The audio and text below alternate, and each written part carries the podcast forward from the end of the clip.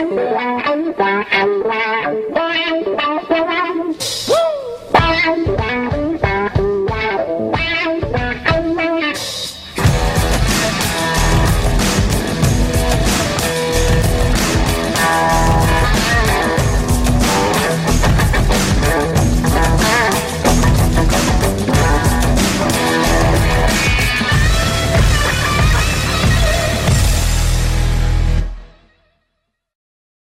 Allemaal, welkom uh, bij weer een nieuwe aflevering uh, van uh, Eindbazen. Um, de aflevering van vandaag kijk ik al een, een tijdje naar uit. Maar aan de andere kant ook eigenlijk helemaal niet. Dat zit hem in het gegeven dat we het vandaag gaan hebben over psychedelische middelen.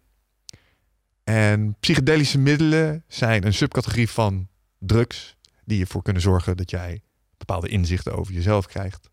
En het psychedelische middel waar we het vandaag met name over gaan hebben is ayahuasca. Um, ayahuasca is een brouwsel dat um, uit de jungles van Peru komt. En door de regionale bevolking daar wordt gebruikt om geestelijke genezing te faciliteren. En dat gebeurt vaak in een uh, ritualistische vorm. Waarbij uh, shamanen, dus wijzen vanuit het dorp, uh, een brouwsel maken. waarvan het actieve bestanddeel DMT is. En DMT staat voor uh, dimethyltryptamine en is een van de meest krachtige psychedelische middelen die de mensheid kent. En ik kan me voorstellen dat de eerste associatie die je hebt als je hier naar luistert is van drugs uh, en psychedelische middelen. Oh jee, wat is dit? Het zijn toch geen hippies?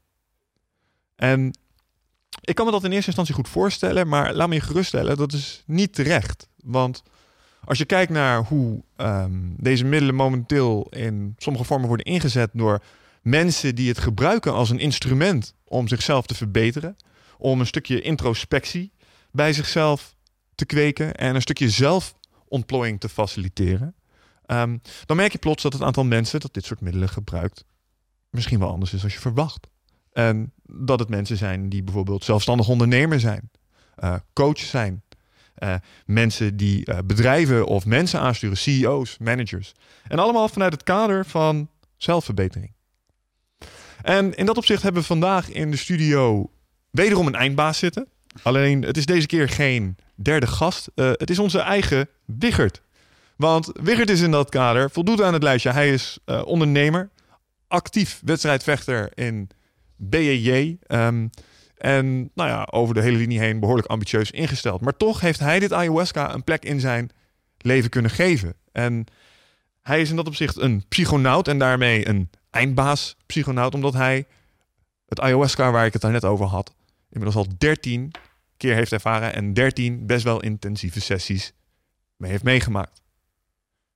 En afgelopen weekend is Wigert weer down the rabbit hole gegaan en vandaag zit hij bij ons in de studio en gaan we het daar eens met hem over hebben.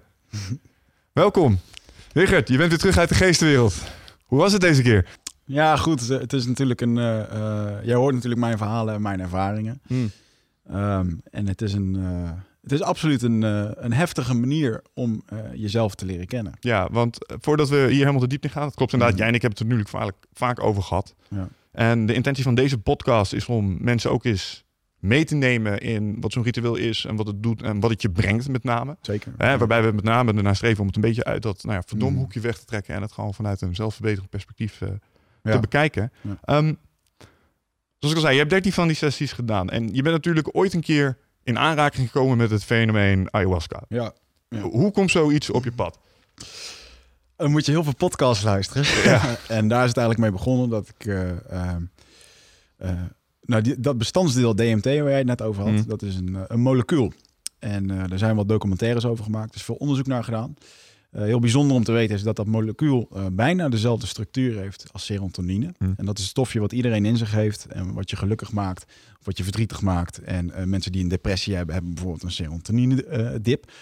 En um, ja, die structuren die lijken eigenlijk heel erg op elkaar. En wat er eigenlijk wordt gezegd over DMT is dat het, uh, uh, hoe het, ja, het is eigenlijk de Spirit Molecule. Er is een, een, een documentaire gemaakt door een dokter, Rick Strassman.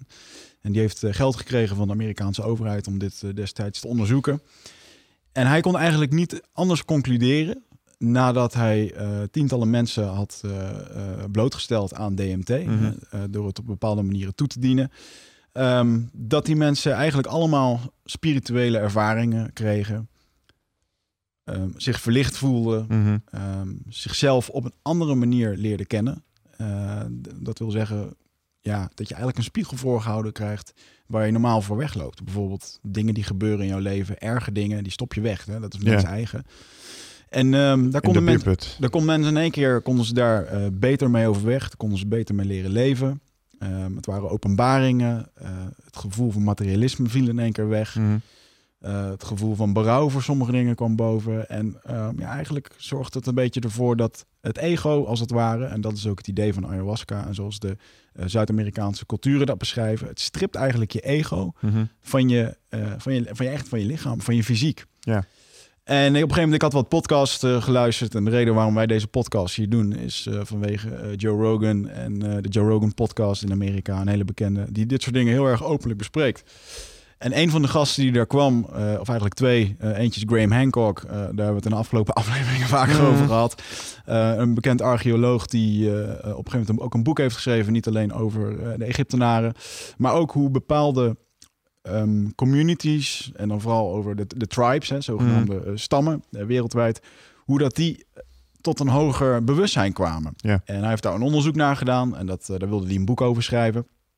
En ehm, wij zijn eigenlijk al honderden, zo niet duizenden jaren als, als mens op zoek naar antwoord. Ja. En die antwoorden, die vinden we terug op heel veel verschillende manieren. Antwoord als het gaat om, joh, eh, wat doen we hier in godsnaam en wat gebeurt er op het moment dat we doodgaan? Bijvoorbeeld eh, de Egyptenaren waren ontzettend bezig met wat er na de dood gebeurde. Wat, wat, eh, wat gebeurt er in die, in die transitie? Hè? Dat, dat, Mhm. Daar stond hun hele cultuur ontstond daar bijna omheen. En ehm, het grappige is dat ook in de tekeningen van Egyptenaren het derde oog, Mhm. wat in het midden van jouw hersenen zit, en dat noemen ze de pineal gland. ehm, dat is ook het stukje, het orgaan waar die DMT geproduceerd wordt. Ja. En die DMT, wij komen nu in onderzoek achter dat die DMT geproduceerd wordt op het moment als we dromen. En op het moment als we eh, een bijna doodervaring krijgen. Of op het moment als we sterven. Hè? Dat licht in de tunnel. eh, dat zijn allemaal een beetje dezelfde eh, omschrijvingen die men daarin vindt. Ehm, En heb je het dan over ehm, eh, de ervaring tussen wat, wat je dan noemt een near-death experience, zeg maar, en, Mhm. en wat je ervaart op het moment dat je bijvoorbeeld iets als ayahuasca of DMT tot je neemt, die Yep. ervaringen die liggen heel dicht tegen die liggen elkaar. heel dicht bij elkaar. Ja, ja, oké. helder. Het is alleen moeilijk om dat aan elkaar te, te, ehm, te relateren. Want niet iedereen heeft een bijna doodervaring gehad. En Nee. eh, je moet daar natuurlijk ook zelf induiken. Ik ben daar, eh, nadat ik dit soort dingen hoorde... Ik was er onwijs door geïntegreerd. Ik vond het heel bijzonder om... ehm, ik ben ook gewoon nieuwsgierig van, Mhm. van aard. Eh, ik ben, ben niet vies om wat te proberen. In de zin van, ik vind het, ik vind het fijn om zelf fysiek dingen te ervaren. Ehm, zodat ik over mee kan praten. En dan weet ik of dat het iets is, ja of nee. Ja. En op een gegeven moment eh, kwam er nog een andere gast. Dat was meneer Aubrey Marcus. En dat is de man die eh, er eigenlijk voor heeft gezorgd dat Onnit bestaat. Onnit, het bedrijf wat wij, eh, of eigenlijk het merk, het fitnesssupplementenmerk wat wij verkopen in Nederland on- onder de naam Nutrofit. En hij is een, ehm, een eh, ja, eigenlijk een, een avonturier als het gaat om dit soort eh, zogenaamde plantmedicijnen. Hè? Want Mm. het is feitelijk gewoon een plant die, je- die je tot je neemt. Ehm, en er zijn heel veel verschillende. In elke cultuur ehm, zijn er verschillende plantmedicijnen. In Afrika is er bijvoorbeeld een, eh, een iboga. Ja. Wat weer een andere werking heeft dan ayahuasca. Nee, je hebt dan ayahuasca of Zuid, in Zuid-Amerika. En wat gewoon zo ontzettend bijzonder is... en wat mij heel erg triggerde... was dat het, gaat om twee planten die men bij elkaar eh, vermengt. Ja. Eén plant zorgt ervoor dat die DMT eh, in jouw lichaam komt. En de andere plant die ehm, zorgt ervoor dat jouw lichaam dat ook daadwer- daadwerkelijk opneemt. Want op het moment als je die ene plant met puur DMT zou nemen, dan eh, maakt je lichaam daar een antireactie op en je voelt er eigenlijk niks om. Dat betekent dat in jouw maag er gebeurt iets met het verteringsstelsel. En vervolgens eh, ja, zou die DMT dus gewoon geneutraliseerd worden en werkt niet. Mhm. En wat mij dan vooral intrigeerde, was dat er bijna 250.000 verschillende soorten planten zijn in het Amazone. En dat men duizenden jaren geleden al heeft een manier heeft gevonden om twee verschillende planten bij elkaar te doen, op een bepaalde manier te verwerken. Want het heeft best wel wat dagen nodig om ayahuasca te maken. Het Ja. moet gekookt worden, het moet op een aparte manier eh, bereid worden. Ja, want daar heb ik dus daar heb ik ook over zitten lezen. Denk, Mhm. joh, dat ayahuasca interessant. Eh, en dan denk ik als eerste, oké, je bent inderdaad zo'n eh indianengemeenschap en je zit in de jungle. Mm. Miljoenen planten tot je beschikking. En Ja. op een of andere manier weet je het voor elkaar te krijgen om die twee zaken met elkaar te combineren die ayahuasca tot resultaat hebben. Want, want wat ik daar zo bijzonder aan vind en waar je er net een klein beetje overheen stapte, was dat ehm, op een chemisch niveau moet er iets gebeuren om die, dat ene component wat DMT in zit, Mhm. om dat je bloedbarrière door te laten gaan. Ja. Heb je iets nodig en dat is een MAOI, volgens mij noemen ze dat. En dat is een soort enzymremmer in je lichaam. enzym, ja. Ja, zodat je het daadwerkelijk kunt opnemen in je bloed. Ja, exact. Ja. En eh, wat die Indianen dus voor elkaar hebben gekregen is om enerzijds een brouwsel te maken dat bepaalde enzymen in je lichaam dus onderdrukt, zodat je het actieve bestandsdeel daadwerkelijk kunt opnemen. Dat Ja. is bijna scheikundig. Dat heb je Mhm. gewoon, hè, dat is biologisch moet je dan. Ja, je moet wel heel veel mazzel hebben, wil je net de twee juiste dingen bij elkaar in de combinatie gooien. Ja, ik vind dat een ja en nee. Want ehm, ja, zoals wij, zoals wij dat nu hebben met die 250.000 planten. Maar, Maar wat zeggen ze er zelf van? Hoe, hoe komen ze eraan? het standaard antwoord wat je van een shamaan zal, eh, zal krijgen... is dat, eh, dat ze zeggen, de planten hebben het ons verteld. Ja. Zij hebben dus het idee dat elk levend organisme... ehm, een plant of een, of een dier heeft, heeft een geest, heeft een spirit... Ehm, en daar valt mee te communiceren. En Mhm. die spirit, een spirit van een plant, die kan wat voor jou doen. En er zijn zo ontzettend veel planten. Eh, dus ze hebben natuurlijk altijd gewerkt met planten. Ja. En als je kijkt, je hebt shamanen in Peru, in Brazilië, Ecuador, Colombia. Maar bijvoorbeeld in, in Peru heten de shamanen heten niet echt shamanen, ze heten daar vegetalistas. Ja. Eh, dat betekent dus ook hè, mensen die met planten werken. En in Brazilië heb je een duidelijke, eh, een duidelijke mix tussen twee verschillende soorten shamanen. Ja. Eh, ik ben even de naam kwijt. Maar een van is volgens mij de, de muchos. En dat zijn echt de, de, degenen die werken met spirituele, met ayahuasca, eh, Mm. met een stukje ego, zelfontwikkeling. En je hebt inderdaad de, de mensen die echt met planten werken. Die dus 30 verschillende planten bij elkaar mengen. en Jou dat laten drinken. En waardoor mensen daar de jungle uitkomen zonder diabetes. Of eh, met een, eh, een, nieuwe inzicht eh, of wat het ook is. Ja. Nou, dit is dan eventjes puur het, het fysieke. Hè? Mhm. Want er zijn dus de zogenaamde plantdiëten. Want ayahuasca is natuurlijk, dat doe je één avond of doe je een avond, aantal avonden, heeft dat effect. Mhm. Maar je kan ook bijvoorbeeld drie maanden op een plantdieet gezet worden. Ja. Ehm, en daar zijn, er zijn heel veel documentaires over te vinden, ook op YouTube. Ik, er zijn er heel veel goede. Ehm, en er komt ook steeds meer. En toen ik daar drie jaar geleden eigenlijk naar op zoek ging, want ik ging drie jaar geleden naar Brazilië toe. Mhm. Eh, dat was omdat ik net de overgang ging maken eh, om, eh, om ondernemer te worden. Ja. En ik had zoiets van, nou weet je, ik, voorlopig gaat er geen vakantie komen. Dus wat ik ga doen, ik ga eerst een maand naar Brazilië en ik ga daar eh, heen om mijn passie te beoefenen. En dat was Braziliaanse jiu-jitsu. Mhm. Ehm, en ik heb daar ehm, eh, drie weken in Rio getraind, twee keer per dag. Dat was gewoon, ja, gewoon, gewoon top om daar te trainen en heel de vibe daar te hebben natuurlijk. eh, ehm, op het hoogste niveau te trainen. Een lesje bescheidenheid natuurlijk. Lesje bescheidenheid krijgen van alle monsters die er rondliepen inderdaad. En op een gegeven moment, eh, ik was daar zomaar bezig met het ayahuasca. Ik denk, ik ben nu hier. Hm. Eh, maar de informatie was heel erg beperkt. En eh, ik zag wel documentaires en op een gegeven moment had ik een adres gekregen om dan eventueel naar Manaus, oftewel helemaal naar het noorden van het Amazone te gaan, diep Ja. de jungle in. Ja. Je vliegt dus naar Manaus, je moet daar dus een aantal uren met de boot en dan vervolgens moet je dat doen. Hm. Maar goed, ik had me ook heel goed bewust ingelezen over de effecten van een ayahuasca. Eh, op het moment als je dus zo'n sessie doet, je kan echt een openbaring krijgen. Eh, het doet iets met je ego. Dus Ja. ja, als je een asshole bent ehm, en je weet dat niet van jezelf, dan kan je daar een, een ongenadige trap voor eh, onder je reet krijgen. En, en ik, ik gebruik die term liever niet, maar mensen hebben het dan over een bad trip. Ja. Ehm, en vaak heeft dat te maken dat mensen niet lekker in hun vel zitten of oncomfortabel zijn of, of weten dat ze iets hebben gedaan wat niet oké is. En Ja. daarmee word je geconfronteerd op het moment als je een psychedelisch middel tot je krijgt. Ja, want je had het net over het rijtje, zeg maar, hè, plant allies. Eh, Ja. Ik geloof dat ze dat entheogene middelen noemen. Dat zijn middelen die, nou ja, goed, ervoor kunnen zorgen dat je een soort gevoel van inderdaad verlichting, openbaring, in aanraking met God, zeg maar, hè, echt een Mm. spirituele ervaring kan hebben. Ja. Er zijn is volgens mij een rijtje van vijf of zes actieve bestanddelen, waar inderdaad eh ayahuasca is één van met zijn DMT. Eh, je hebt inderdaad paddenstoelen, uh, psychobillen, spreek je ja, psilocybin. Ja, psilocybin, LSD heb je volgens psilocy- Cannabis is er ook een van. Ja, exact. Psilocybin is overigens ook een, eh, qua moleculaire structuur vrijwel gelijk aan, eh, aan DMT Ja. en aan eh serotonine. En dat zit met name in eh, paddenstoelen en truffels. Ja. Dus, Zogenaamde magic mushrooms, in dat opzicht. Vrij te verkrijgen in Nederland trouwens? Ja, ook nog, ja. ja. ja, ja, ja. weet je... Hoe zit, dat met, hoe zit dat eigenlijk met ayahuasca? Is dat ehm, volgens de opiumwet, wat, welke, welke wettelijke status heeft dat? Het ligt een beetje in een grijs gebied, want het is natuurlijk iets waar niemand iets van af weet. Er staat niet letterlijk uh, ayahuasca is verboden. Nee. Um, LSD is in de jaren 80 volgens mij verboden. Um, en een van de redenen waarom was omdat het vooral uh, de verhandelbaarheid, de was mm heel erg hoog. 1 liter uh, LSD zorgt voor duizenden, miljoenen uh, porties. Ja, ik geloof dat de gast die LSD heeft ontdekt, eigenhandig, zeg maar, de hele jaren 60 revolutie volgens mij min of meer in de hand heeft gespeeld door inderdaad één keer een batch LSD mm te maken en daarmee heel San Francisco volgens mij ja, te voorraad te hebben. Want als je het, ik heb het, ik heb hetzelfde, ik LSD nooit gedaan, maar nee. je hebt een, als het ware een soort van postzegel, kleiner dan een normale postzegel als wij ja. op ons ding, dat noemen ze dan een zegeltje. En dat kan je tot je nemen en dan ben je achterlang in een, in een trip. Mm.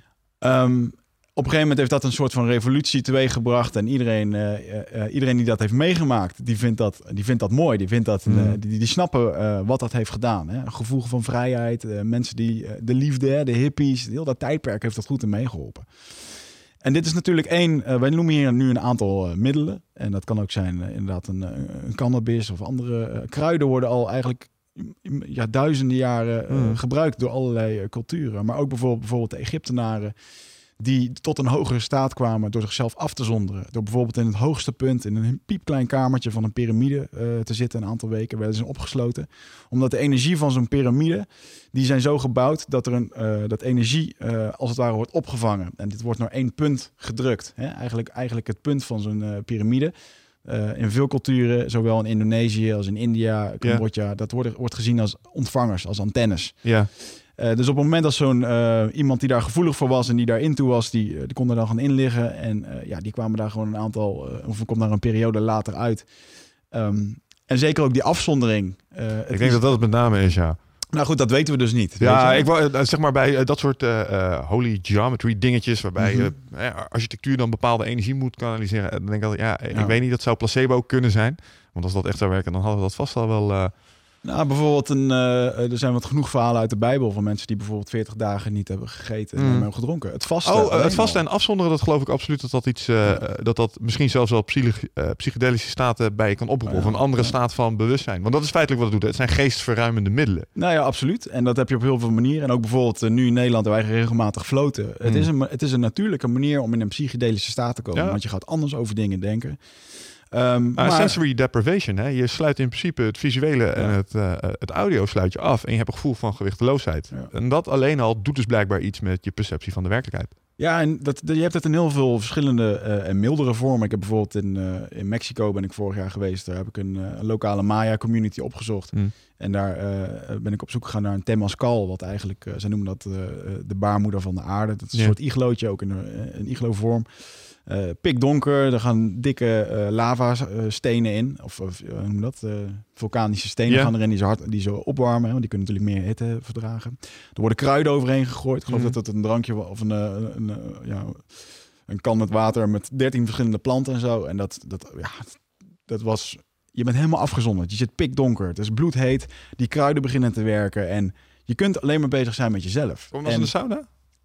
Nou, dit is gewoon een Maya. Ja, ja een dit Maya. klinkt als een opgieting namelijk, weet je. Ja, nou, ja. Dat, dat, klopt. En ik denk dat de, de opgietingen die wij hier in Nederland in de sauna krijgen, die zijn verwesterd. Min of meer daarvan, ja. Die moeten ik. lekker ruiken en die moeten doen. Daar ja, was het er ook niet lekker toen je het Nou, daar, moet, daar is het echt allemaal um, gericht op heling. En mm. um, je zult ook zien op het moment als je dit soort documentaires gaat kijken over ayahuasca, dan heeft men het ook over uh, healing sessions, deep healing. En dat, dat klinkt een beetje spiritueel. Het klinkt en, heel erg New Age. Ik, ja, en jij kent mij. Ik bedoel, ik heb... Um, uh, ik heb daar ook moeite mee gehad. Mm. Um, in de zin van deep healing. En ja, ik, de, de, de eerste reacties die ik las op internet over ayahuasca, dacht ik ook van ja, zijn dit de mensen waarmee ik uh, uh, een kopje thee drinken? Of, ja. nou ja, wat ik me altijd afvraag is, en, en, met name met DMT, want nou ja, we weten allebei wel, ik vind het ook een mateloos fascinerend onderwerp. En met name de dingen die het kan brengen. En mm. ook die andere entheogene middelen, de dingen die dat voor je kan betekenen in je leven. Maar uh, wat ik inderdaad heb, wat we in het begin ook al even zeiden, dat stigma wat er aankleeft. Het is niet iets wat je, stel je zit in een gemiddeld Nederlands bedrijf en je zit aan de lunchtafel met elkaar. Je bent, eh, wat heb jij dit weekend gedaan? Hmm. En jij zegt, nou, uh, ik ben naar een retreat geweest en ik heb daar met een shamaan heb ik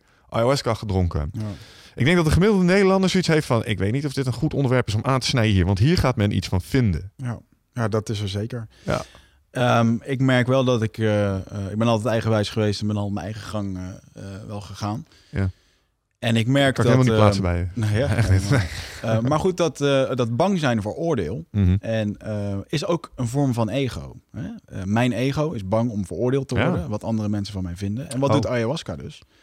Het stript je ego van je, van je lichaam. Ja. En ik merk dat. En dat zeg je nu al een paar keer. Wat betekent dat precies? Het strip je ego van Ja. je lichaam. Wat Ja. gebeurt er dan in je? Je moet het zo zien dat een, in zo'n sessie krijg je altijd een bepaalde les. En die Mm. les die gaat over een stukje nederigheid of respect of verdriet. Of Een, eh, ayahuasca, zei, eh, de, de, sha- de shamanen of de cultuur in, eh, in Zuid-Amerika, die praten eigenlijk over eh the vine of the souls. Oftewel, hè, het is de drank Mm. van de goden, van de doden. Eh, je kunt er dus mee in contact komen met een hogere sfeer.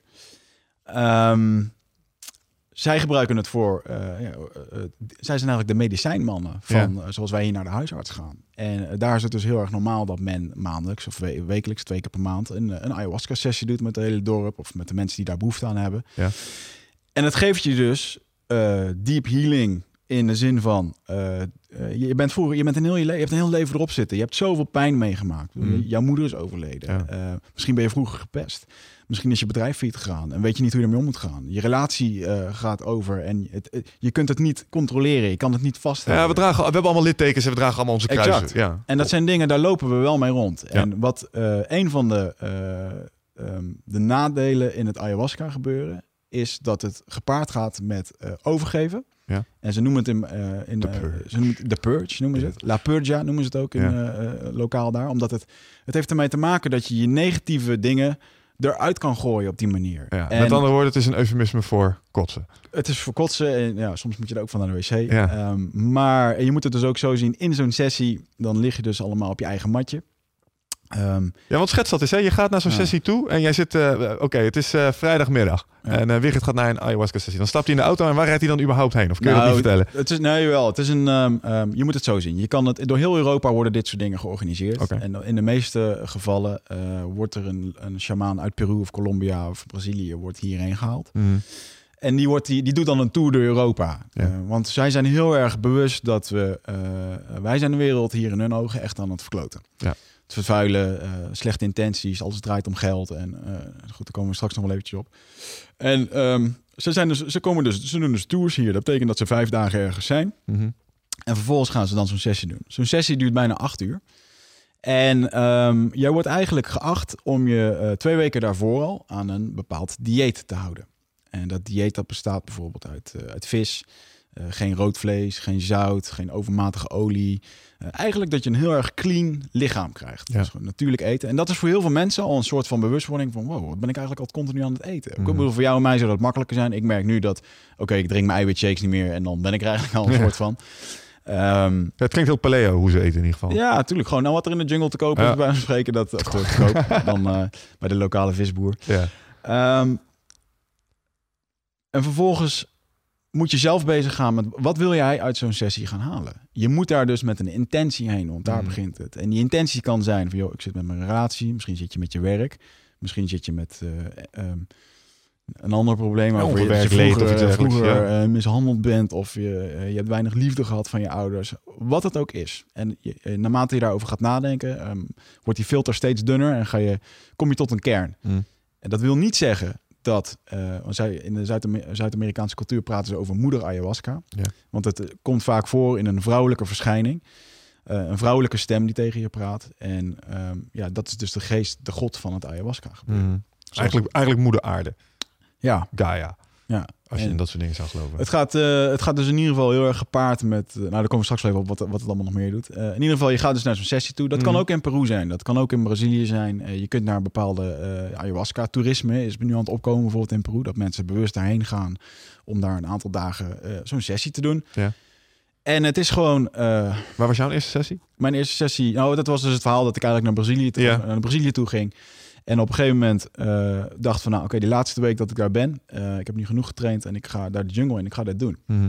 Maar toen dacht ik eigenlijk, dit is zo ontzettend heftig. En eh, om drie dagen te reizen, om daar te komen, een aantal dagen ayahuasca te doen, dan terug te gaan en de week erop te beginnen aan mijn nieuwe bedrijf, in the middle of fucking nowhere, midden in de jungle. vond ik toch op een gegeven moment wat beangstigend. En, ehm, oh shit, snap ik niks Ja. van. Zelfs ik. En Ja, eh, eh, op een gegeven moment eh, zat ik te lezen en las ik dus dat er een Nederlandse organisatie was, Traditional Plant Medicines. Die is nu overigens eh, niet meer werkzaam in Nederland, omdat degene, de organisator van woont nu in Peru. Oké. Ehm, eh, maar in ieder geval, die, gingen, die had een Peruaanse uh, shamaan van de Shipipo, uh, Shipipo. tribe. Shipipo is een van de grootste communities in, in Peru. Ja. En um, ja, daar is dit natuurlijk gewoon aan de orde van de dag. Uh, daar werd een, een vrouwelijke shamaan en een mannelijke shamaan. Die uh, kwamen daar, een wat oudere dame en een wat jongere gozer. En je moet het dus zo zien dat een, een, een shamaan die hier komt, die word je niet zomaar. Ik bedoel, ik heb, dit, ik heb nu afgelopen weekend hebben we weer zo'n sessie gedaan. Ik heb vervolgens uh, uh, drie uur lang lopen kletsen met de shamaan. Ik heb hem daarna naar Schiphol gebracht. Want hij mm. moest door naar zijn volgende uh, sessie. Die gozer was nu al twintig jaar bezig met dit vak. Mm. En wordt niet gezien als een volledig volleerd, shamaan. Hij okay. is nog gewoon in de leer van. Ja. Um, de shamaan die ik de eerste keer had uh, van die Shipipo community, um, die was 32 jaar. Uh, die was wel al een volleerd shamaan. Mm. En die werd vanaf zijn vierde is die de jungle ingestuurd. Dat betekent ook, uh, uh, en je moet het ook zo zien in mensen, het is niks engs. Het is geen hocus pocus, het is geen, geen wizard. Ik zit gewoon op Facebook met die gozer. Ik zit gewoon te chatten terwijl hij mij hij loopt heeft te WhatsApp. Dat hij uh, een plantdieet aan het volgen is en in isolatie zit op. Dat kan, ja, weet je, er is geen, het is niet dat die mensen per se als, als, als middeleeuwen moeten leven om dit soort dingen door te kunnen. uh, Hoewel ik niet weet of je in isolatie zit op het moment dat je het op Facebook kunt zetten. Nee, oké, okay, maar het is meer. Ja, nou goed, ik denk dat het voor hen meer uh, één is met de natuur. En dat is voor hen heel belangrijk, hè? Die natuur, de contact met dieren, met planten. Mhm. En, en zij gaan dus dan uh, om zichzelf. Ja, teachings te geven. Hè? Zij, zij leren zelf. En die, die shamaan van afgelopen weekend, die zei dat ook heel mooi. Hij zei gewoon op het einde van zo'n sessie, hij zei, uh, ik wil jullie allemaal bedanken, want jullie zijn mijn meesters. Mhm. Dus 30 mensen hebben daar een ervaring. En zo'n shamaan die heeft het gewoon, heeft gewoon de kennis, de kunde om die 30 ervaringen van die mensen gewoon de dingen uit te pakken en dat zelf te ervaren. En daar gaan we straks, straks nog wat meer mind-blowing shit over vertellen. Um, en sommigen zullen daar sceptisch over zijn, maar daar, daar komen we ook nog wel even op. Um, in ieder geval is het zo dat uh, je gaat vervolgens naar zo'n uh, naar zo'n sessie toe en uh, nou, met een intentie. Mhm. Vaak is het een organisatie die, die, die ontvangt. Er zijn verschillende van in Nederland. persoonlijk ga ik, de afgelopen keer ben ik geweest naar Baba Jaga, dat is in Groningen. Okay. wordt gerund door een ontzettend lieve vrouw, dat is Mieke. En die heeft haar leven gewijd aan ja, zelfverbetering door middel van shamanistische dingen. Mm -hmm. Die maar dit zal niet midden in de stad zijn. Dit is waarschijnlijk in de achterlanden. Ja, zij zit echt heel erg ver weg. Drie uur rijden onderhand voor mij. En ik ben daar, uh, je zit in the middle of nowhere. En dat ja. moet ook, want dit, dat, ja, dat, dat, dat, hoort er een soort van Set en setting is erg belangrijk. En soms wordt het gedaan elders. Dan wordt er een zaaltje ergens gehuurd. En dan uh, vaak bij een soort van... Uh, waar was het vorige keer? Bij een of andere zonneboerderij, weet je wel. Ja, precies. Gewoon de, de plekken waar dit soort dingen in rust gedaan kunnen worden. Want Mhm. mm. je moet het ook zo zien als je uit zo'n sessie komt dan heb je een klap met de moker gehad. Ja. En dan heb je geen zin in de drukte van de stad of uh, getuter gedaan. Dan wil je... je moet bijkomen. Ja, ja, precies. Je hebt dat nodig. Oké. Okay. En um, nou, vervolgens dan ga je dus naar zo'n sessie. Je krijgt vaak, als je nieuw bent, krijg je een beetje een intake, een introductie over wat het is. Mm. Um, uh, je mag bijvoorbeeld geen medicijnen van tevoren hebben gebruikt. Want bijvoorbeeld antidepressiva is natuurlijk een middel wat wij hebben bedacht en hebben gemaakt. Mm -hmm. Maar dat zorgt er ook voor dat de werking met ayahuasca ervoor zou kunnen zorgen dat je uh, een beschadiging aan je hersenen krijgt. Oké. Okay. Uh, omdat de serotonine dip, die, die kun je dan, uh, die kan je vervolgens, of tenminste, sorry, de DMT, die gaat niet werken met die antidepressiva. Ja. En op het moment, um, als je dat bijvoorbeeld wel zou mengen, dan zou je of hersendood kunnen raken, of je zou een, een, een serotonine dip kunnen krijgen die blijft. Hè? Dus okay. chronisch. Oftewel, de les van Ja, want dat vraag ik me dan nog wel even af hierbij. Want ik was altijd in de vonnis, nou, in combinatie met medicijnen kan ik me trouwens wel voorstellen dat dat, dat dat onverstandig is om te doen. Zeker op het moment dat het antidepressiva zijn, die toch al iets met je mentale gestel, uh, gesteldheid doen. Ja. Um, even, de kleven daar eh, trouwens risico's aan in fysieke zin? Is het nou ja, ik, ik weet het antwoord al, maar van DMT kun je in principe of van ayahuasca kun je niet overlijden. Ik bedoel, je kunt er geen overdosis van krijgen. Nee, nee er zijn uh, geen gevallen bekend waarbij uh, men een lichamelijke allergische reactie geeft of. Juist. Uh, die, die zijn er niet. Er zijn geen mensen overleden door uh, te veel wiet roken of door uh, bepaalde kruiden inademen of, of DMT of ayahuasca. Ook, ja. Wat wel is gebeurd, is dat er misbruik is gemaakt van bepaalde situaties. En dan denk ik bijvoorbeeld aan de reden waarom op een gegeven moment eh, bepaalde eh, magic mushrooms verboden zijn in Amsterdam, Mhm. is omdat er een Engelsman zichzelf helemaal eh, naar de kleren had gezopen, ecstasy-pillen had genomen, en vervolgens nog een paar van die paddenstoelen had genomen en uit een hot- hotelraam is gesprongen. Ja, maar ik denk dat dat ook is waarom een boel van die middelen het stigma hebben wat eraan kleeft. Want Mm. hè, iedereen altijd als je vertelt van ja, magic mushrooms, ja, ik hoef niet van het dak af te springen. Of eh, ik hoef mijn hond niet te villen en hem als een hoed te gaan Ja. dragen, weet je wel. Maar dat zijn ja, geïsoleerde gevallen geweest waarbij mensen ofwel schizofrenie hadden, eh, of inderdaad medicijnen, of het combineerden met eh, nou ja, alcohol. Sowieso altijd een slecht idee. Nou, maar dat, dat, je noemt nu de, de, de naam alcohol. En kijk eens hoeveel... Alcohol is gewoon geaccepteerd door ons. Oh, dat vinden we goed. Nee, gezellig een drankje. Kijk eens hoeveel... Ik hoef jou helemaal niet te. Nee, nee. Hoeveel ellende dat het veroorzaakt. Iedere dag op deze wereld. En hoeveel mensen dat eraan doodgaan. Ja. En eh, hoe funest het is voor mensen hun geest en hun ontwikkeling. Nou ja, Ja. je weet dat dat de frustraties eh, groot is van mij. Eh, nou ja, Ja. Voor mensen die dat niet weten, het is geen geheim. eh, mijn moeder is destijds eh, overleden aan de gevolgen van een eh, alcoholverslaving. Nou, dat is eh, heftig geweest. En wat je dan merkt is eh, met name de hypocrisie in de maatschappij als het gaat om inderdaad, eh, nou, als ik op een kantoor zou zitten en ik zou vertellen dat ik een, een weekend inderdaad een ayahuasca sessie of Mhm. magic mushrooms of wat dan ook had gedaan. Nou, dan kan het zijn dat je een beetje scheef wordt aangekeken. Maar aan diezelfde tafel zitten collega's die vertellen dat ze leuk met vrienden uit zijn geweest, allemaal bier hebben lopen zuipen Ja. ehm, is sociaal wel geaccepteerd. Terwijl als je ze in de hiërarchie van schadelijkheid voor je lichaam zou zetten, hè, wat er echt slecht voor je is, staat alcohol daar echt wel prominent bovenaan. Nou ja, en ook het, eh, het stukje zelfhulp wat je krijgt door middel van zo'n, van zo'n sessie. Mhm. Eh, dat je gewoon in één keer zoveel inzicht krijgt over je slechte gewoontes. Over dingen die je goed hebt, gegaan, goed hebt gedaan.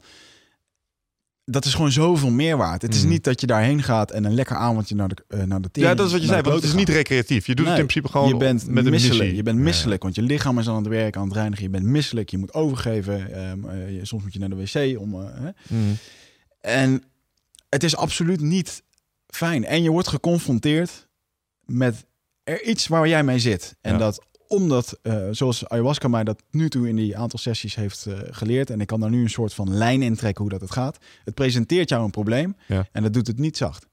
Ja, ja, precies. En ehm, vervolgens eh, wordt dat... er wordt is geen woord probleem- Chinees bij, zeg je. Absoluut niet. Nee. En dat probleem wordt vervolgens uitgelegd, zodat je het begrijpt. Mhm. En dat uitleggen, dat gebeurt op tien verschillende manieren. Waardoor je in één keer denkt van, no shit.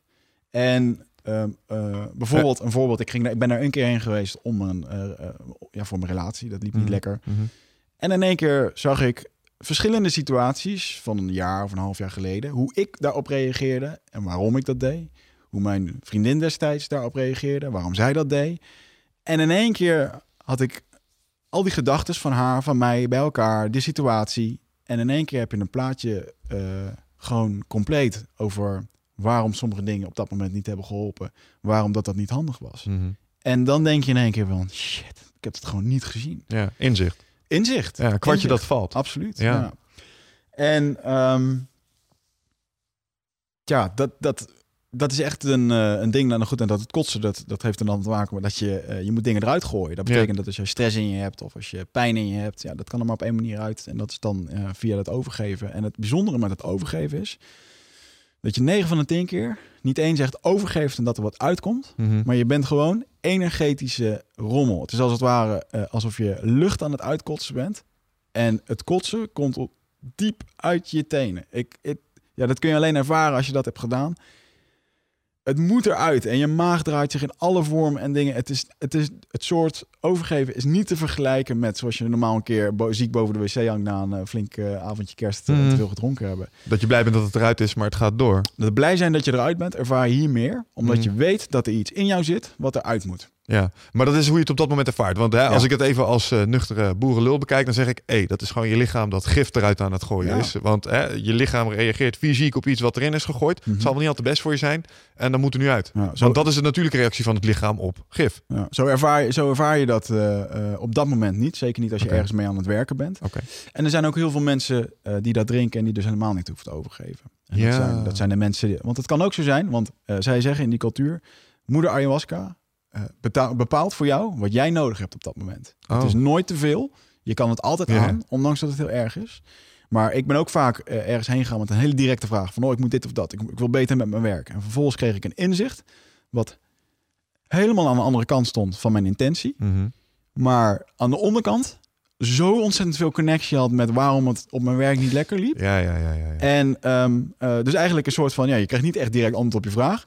Uh, maar joh, werk daar nou eens aan, want uh, daar heeft het ook gewoon veel meer mee. Waarschijnlijk een of andere karaktereigenschap dat het fundament vormde voor ja, het. Ja, we zullen zo meteen wel even wat meer gaan op de, op, op de, op de voorbeelden. En, uh, maar goed, begrijp ja, want ik zit nog steeds een beetje bij het. Hè, ik probeer een gevoel te krijgen bij hoe zo'n hoe zo'n sessie eruit ziet. Zelf heb ik het, nou, zoals je weet, nog nooit gedaan, mm. maar staat op schema voor deze zomer. Want na alle fantastische verhalen die ik om me heen heb gehoord, vind ik dat ik ook een keer ja, je moet diep in moet. Ja, het moet.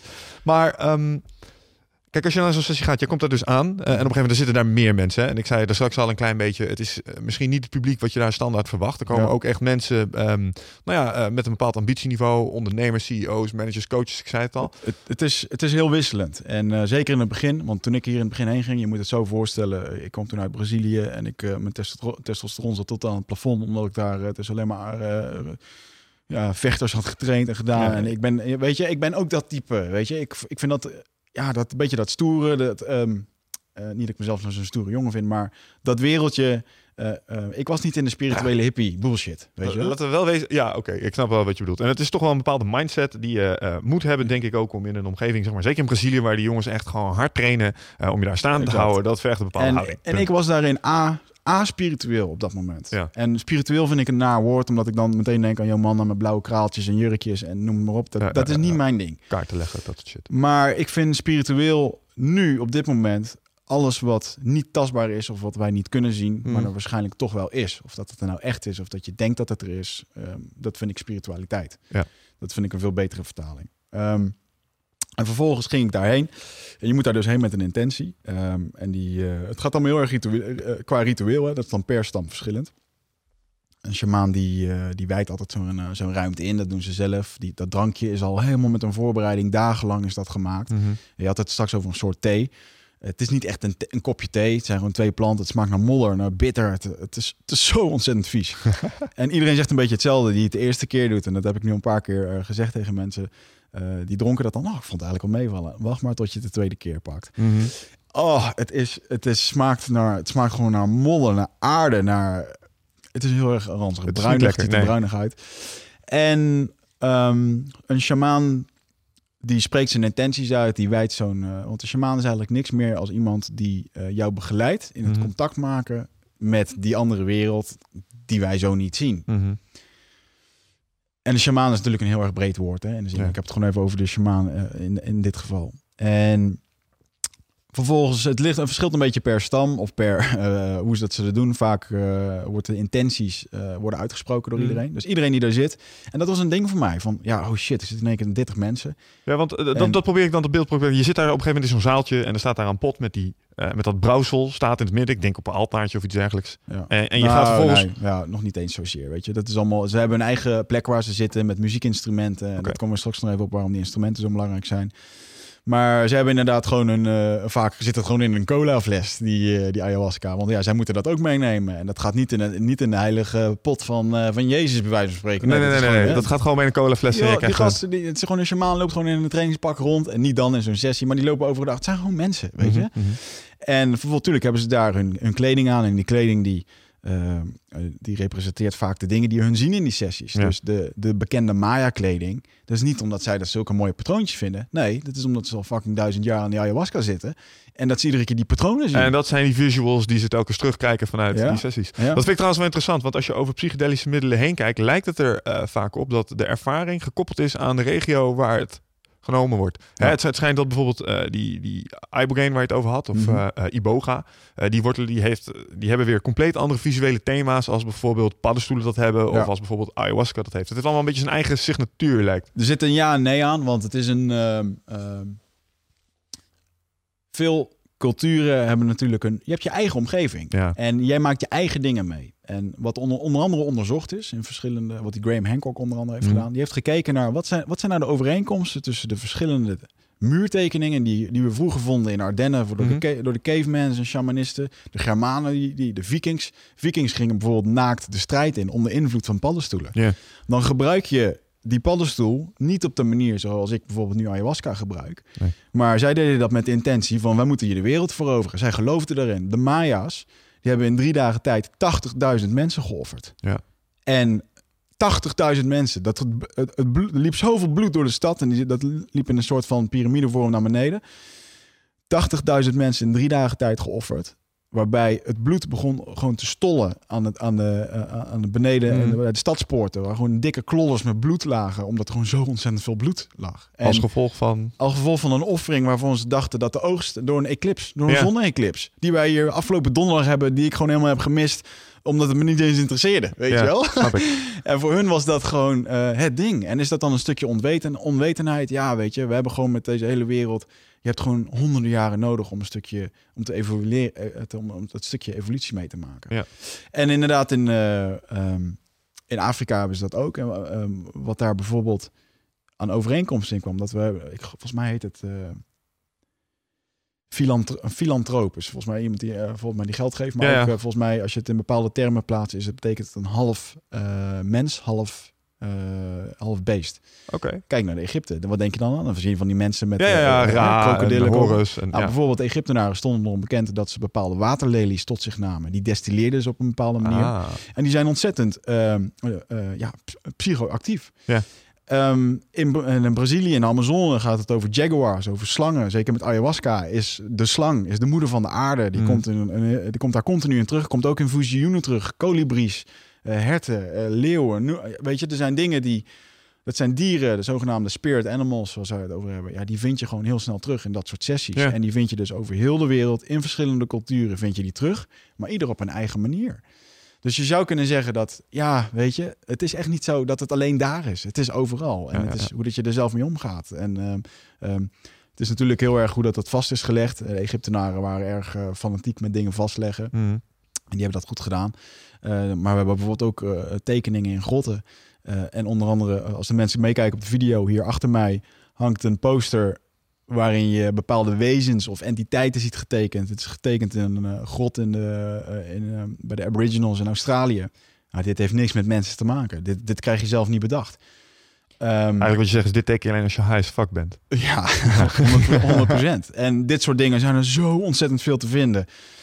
En dat, dat zijn de mysteries waar... ehm, eh, ja, dat zullen we nooit weten. En ik weet het nu ook niet. Ik weet het antwoord ook niet. Dus Mhm. ik, heb nog, ik heb afgelopen eh, eh, weekend met, drie uur met die shamaan gepraat over dit soort dingen. En hij weet het antwoord ook gewoon niet. En maar dat Hij vertelt je, niet. het bos heeft het me verteld. Ja, maar Ja. dat hoeft ook helemaal niet. Weet je, er is ook helemaal niet een, eh, een ja of nee. Als het maar voor jou. De, de uiteindelijke is de werking is als het voor jou. Ja, maar dat is natuurlijk heel erg westers hè, om, om te willen weten wat erachter zit. Ik bedoel, als wij eh, Mm. in, het, in het westen nu ergens goed in zijn, dan is het natuurlijk eh, tot op het kleinste niveau ontleden van hoe de wereld om ons heen werkt. Hè. Kijk Ja. wat we doen met Large Hadron Colliders en Higgs-bosonen die we ineens vinden. Dat we plots snappen dat bepaalde fundamentele theorieën toch, ja, dat snijdt hout. Dat is heel goed. Maar daarmee bewegen we tegelijkertijd ook weg van waar we vandaan komen.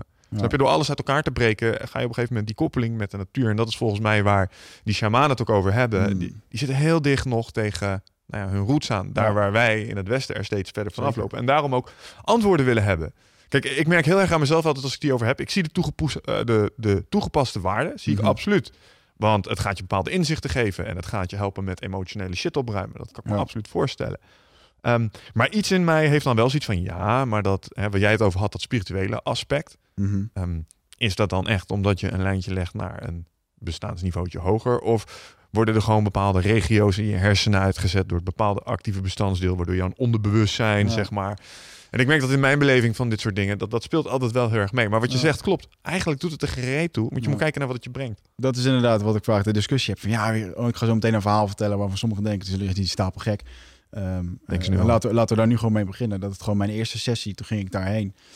Ehm, ik ging toen net begon, ik begon net met ondernemen, een internetonderneming, eh, waarvan we een, eh, naam moesten kiezen. Nou, eh, met do- in, in deze oorlog van domeinen en dat soort dingen is dat natuurlijk moeilijk om een goede naam te vinden. We hadden Mm. een aantal opties. Ik kwam er echt niet uit en op een gegeven moment moet je er een kiezen en dan, dan is dat een ding.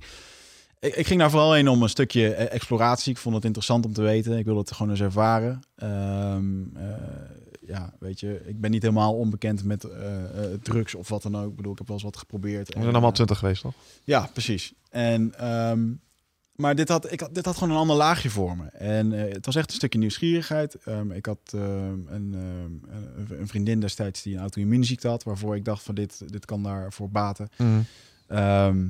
Dus ik vond het een, ja, ik wil dat gewoon proberen. En zeker toen ik de verhaal had gehoord van een Aubrey Marcus, toen dacht ik van ja, dit, dit ga ik gewoon doen. En dan ben ik ook heel snel, dan zit ik daar ook snel. Zeg maar. Ja. Maar ik kwam daar dus en ja, je zit, daar zitten in één keer ook mensen die dit al vaker hebben gedaan. Die, joh, die, zijn, die zijn er veel makkelijker in. Die zijn dat gewoon, die zijn gewoon relaxed op hun eigen manier. Uh, ik dacht toen de tijd, ja, hippies, weet je wel. Was dat ook zo? Was dat echt het publiek nou, wat zat? Nee, niet, ja, ik wil dat niet zo schilderen. Maar er zitten wel mensen uh, die hierin geloven. Die hier wat mee hebben. En ja, dat, dat, daar moet je even overheen stappen. Ja. Maar wat is er slecht met een hippie? Iemand die... Want die mensen willen eigenlijk gewoon... Ze zijn met zichzelf bezig. Ze zijn bekommerend om, om anderen. Ze zijn niet materialistisch. En uh, ze zijn niet zo gehaaid als dat ik destijds was om alles maar te hebben, te grijpen en tastbaar te maken. Ja, dat is een beetje hetzelfde waar we het over hadden. Hè? En, mensen hebben een bepaald beeld daarbij natuurlijk. Dat zijn ja. mensen die geen bijdrage leveren aan de maatschappij met name. Maar op dat, op dat moment sloot dat helemaal niet aan bij de mensen waar ik mee om, wil, om nee. wilde gaan. Ik had toen, joh, ik kwam net uit een multinational waar ik veel geld verdiende, een dikke auto had, waarbij ik dat belangrijk vond. Die status vond ik belangrijk. Mm. En uh, goed, ik had dan wel de keuze gemaakt om voor mezelf te beginnen. Uh, maar ik stond toen zo anders in het leven. Ja. En um, op een gegeven moment... Uh, er, ik had er veel over ingelezen. Er werd ook veel gesproken over uh, zogenaamde power animals. Hè. Er was, een van mijn intenties sprak ik daar ook uit. Van, joh, ik zou graag een power animal willen zien. Denk, mm. mooie visioenen. En een dingetje... Jij wilde gewoon leuke dingen zien. Ja, nou ook wel, ook wel. En uh, ik had ook niet echt een probleem, had ik het idee. Vond je? En uh, als laatste zei ik daar nog van... mijn vader is overleden, twee maanden na mijn geboorte. Mm. Um, ik zou het leuk vinden, of ik zou het tof vinden als er al iets is, letterlijk op deze manier, als er al wat is, dat ik een soort van teken van hem krijg. Dat zou wel tof zijn. Ja. En dat was het. Ja, dat, vervolgens ging dat cirkeltje weer door. Iedereen uh, moet het ook zo zien. Het is er niet gehaast. Je mag zo lang doen over zo'n zo'n zo'n uitspraak als dat je zelf wil. Soms, mm. Sommigen doen er heel erg lang over. Uh, dat, uh, Geef ja. toe, dat was stenen krom nee, voor soms, je. soms is dat irritant, ja, ja zeker. maar ik merk daar nu dat ik daar 13 sessies later dat ik er makkelijker in ben. Uh, dat je daar mensen in een waarde in laat. En voor zo'n shamaan, tijd is echt zo'n gemaakt ding. Mhm. Mm -hmm. En gegarandeerd dat als je ayahuasca hebt gedaan, dat je zal beseffen dat tijd niks anders is dan iets wat wij uh, hier doen om onszelf te organiseren. Ja. En op een gegeven moment, uh, toen begon dat. En uh, um, wat een shamaan dus doet, die gaat op een gegeven moment muziek maken. Dat doen ze door middel van Icaro's te zingen. En Ja. Icaro's is de taal van de goden. En taal van de goden, ik ga het jullie gewoon even laten horen. Hoe zeggen, dat, eh, zet ze op. eh, moet ik even naar mijn Soundcloud-lijst. Ehm, in ieder geval, door, door bepaalde frequenties eh, te maken, qua geluid of qua muziek, kunnen Mhm. zij dus inhaken op die andere wereld. Nou, je drinkt vervolgens die ayahuasca. Wat er eh, gebeurt, je loopt naar die shamaan toe, gaat op je knieën zitten. Eh, hij doet zijn, eh, zijn dingetje, zijn heilige ding over die eh, ayahuasca. Hij kijkt vervolgens in je hart, of hij kijkt gewoon naar jou als persoon. Mhm. En hij ziet hoeveel ayahuasca dat jij nodig hebt. En ik kan je vertellen, daar zit soms nog wel eens een verschil in. Ja. Sommige mensen krijgen een heel klein beetje, sommigen krijgen een vol glas. Ehm, over dat volle glas, daar gaan we het zo meteen nog even over hebben. Dat was even Jij krijgt volgens een cola fles. Hier, weet jij dit maar even nou, ja, je moet het zo zien als een, eh, als een eh, het wordt meestal gedaan in een, in een glas zoals je een shotje zou nemen. Zo'n eh, Oh, ja. shotje en dat wordt van voor de helft gevuld of voor een vol glas. Maar goed, het kan nog steeds heel veel zijn, zeker als iets echt niet lekker is. Ja. En ehm, ehm, ja, het is gewoon heel erg belangrijk om, terwijl dat je dat aangereikt krijgt, om gewoon te denken, waarvoor ga je dit doen? Mhm. En ja, dan, dan gaat die intentie door je hoofd, dan drink je dat. En je, je bijt de bitterheid weg en eh, je gaat terug naar je, naar je matje. Je ligt daar gewoon op een matje, je hebt een emmer voor je. Iedereen ligt daar met zijn emmertje. Ja, het is geen gezicht. Als je daar voor het eerst komt, dan denk je, what the fuck Ja, want dat is de setting waar, die ik me probeer voor te stellen. Dus je ligt daar, een, ik stel me voor, verdonkerde zaal. Of gaat- staat de teelbuis ook gewoon eh, te branden? Ja, ja dat, eh, het is een donkere zaal. En ik ga jullie trouwens, eh dat komt zo meteen even op, hier heb ik hem gevonden. Ja, even. wat, je, wat je dus hebt, is dat een, ehm, het is een donkere zaal. Iedereen ligt er in een cirkelvorm. Mm. Eh, er liggen wat eh, rituele dingen. Vaak eh, bij sommige communities maken ze bijvoorbeeld een slang na van aarde. Dat doen ze mooi met bloemen, die versieren ze helemaal. En dat ziet er heel cool uit. En dat is echt, dat, eh, ze steken ze dus, eh, het is gewoon aarde wat ze daar neerleggen. Daar maken ze een slang van, want dat is de Mm. moeder van de aarde. Ja. Steken ze die bloemen in en dat geven ze ook water. Dus die slang is een soort van levend op het moment als je die ceremonie ingaat. En geloof mij dat tijdens die ceremonie die slang ook gaat meedoet. het lijkt bijzonder levend, ja. En ehm, het is ontzettend visueel. Dus voor de mensen die het idee hebben van wat, wat, wat zie je dan? Ja, ayahuasca is gewoon bij, uitstek, bij uitstek het heftigste middel voor visioenen en trips. Trips vind ik een beetje een naar woord altijd. Ja, maar want, want je zit daar, je hebt je thee gehad. eh, En Ja. ehm, nou, Ja. vertel, want je zegt, eh, Vervolgens- jij kreeg een eh, behoorlijke Vervolgens begint dat... eh, nee, dat, ik weet dat niet meer. Volgens mij kreeg ik gewoon normaal, eh, normaal gas. En eh, ehm, zij kijken dus voor wat jij nodig hebt. En ik kan je vertellen dat je net zo van de wereld kunt zijn van een heel klein glaasje als van drie glazen. Mhm. Ehm, en op een gegeven moment, je mag op een gegeven moment ook wel bijvragen na een tijdje. Of ze, ze vragen nog of iemand nog een ronde wil. Nou, dat Ja. is helemaal aan jou zelf. Maar goed, ik had dus mijn intenties en ik, eh, ik ging twee avonden. En op een gegeven moment, eh, het werd donker en eh, vaak begint het eerst eventjes de 20 minuten stilte. Mm. En die 20 minuten stilte.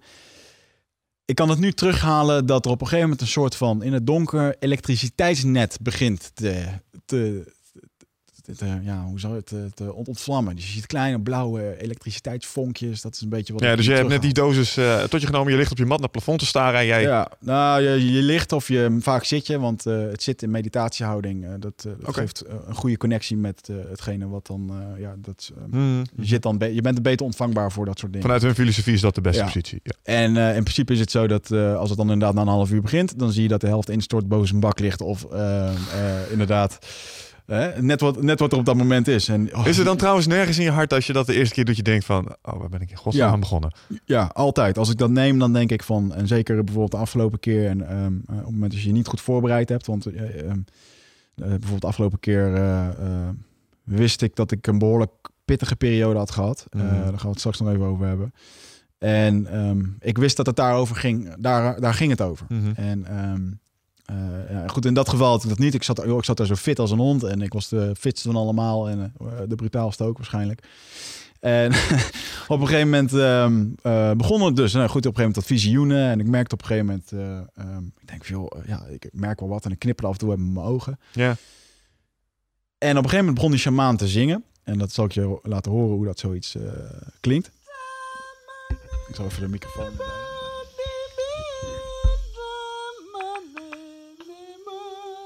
En dit is 20 minuten nadat jij... Dit is de Shipipo shamanen die dit zingen. En het is een hele unieke ehm, sound die zij maken. Dit is ook echt heel erg kenmerkend voor hun. Hm. Ik zal straks even verder gaan op de Braziliaanse eh shamanen. Hey eindbazenluisteraar, dankjewel dat je zit te luisteren naar deze podcast. Ik onderbreek hem eventjes voor een hele belangrijke boodschap. Of misschien liever gezegd een uitnodiging. Want op 24, 25 en 26 mei, dan is er weer een nieuwe editie van Rite of Passage. Dat is mijn retreat voor persoonlijke ontwikkeling. En speciaal voor de mensen die op zoek zijn naar, ja, naar helderheid. Of dat ze lastig bij hun gevoel kunnen komen. Dat ze moeilijke beslissingen moeten maken.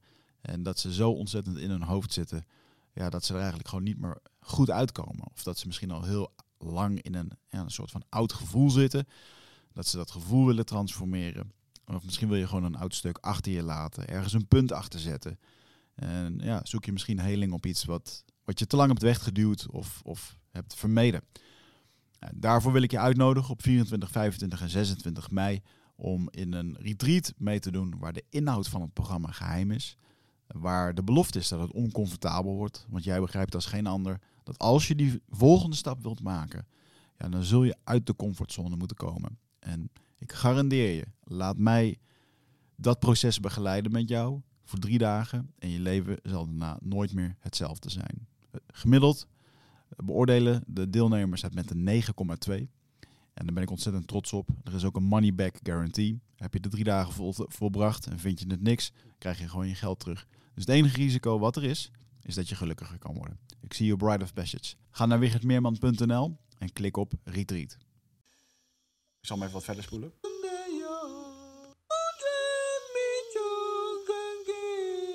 Maar goed, dat geeft een beetje een beeld over wat, eh, hoe dat het daar gaat. Is het relaxed als je op, op het moment dat jij eh, misselijk begint te worden en eh, je begint dingen te zien en begint iemand naast je op deze manier te zingen? Want het is Ja. vreemd om te horen. Als je het eerste keer hoort, denk je, jee, wat is dit? Ja, zeker. En het, dit, joh, je- dit, als je dit zo hoort, dan kan je denken, ja, ga je toch niet naar luisteren. Luister, dit komt zo hard binnen. Dit is, geluid wordt in één keer tastbaar. En eh, alles wat om je heen gebeurt, je zit helemaal in een soort van wereld. Het on- er ontsluit zich een soort van net met... Waarin alles mogelijk is. Het, Mhm. het, het universum onbaar, eh, eh, is in één keer, zit in één keer om je heen. Ja. En dat kan in heel veel verschillende vormen zijn. En eh, waar het bij mij in eerste instantie om ging, was dat ik me. Ik, ik- het was een check voor mezelf. En op een gegeven moment, ik, ik keek naar mijn eigen lichaam en ik zag in één keer dat uh, mezelf in, in een soort 3D-raster. Ik zag mijn eigen lichaam uh, alsof de computer geanimeerd iets was. Ik kon in mijn eigen lichaam kijken. En ik had op dat moment ook een, ontsteking bijvoorbeeld in mijn pols. Yeah. Uh, van het jiu overhouden. En ik kon, ik kon dat gewoon zien. En het werd aan me uitgelegd. Er is dan dus een soort van stem dat tegen je praat. Soms dan praat het, soms dan is het een soort telepathisch-achtig iets.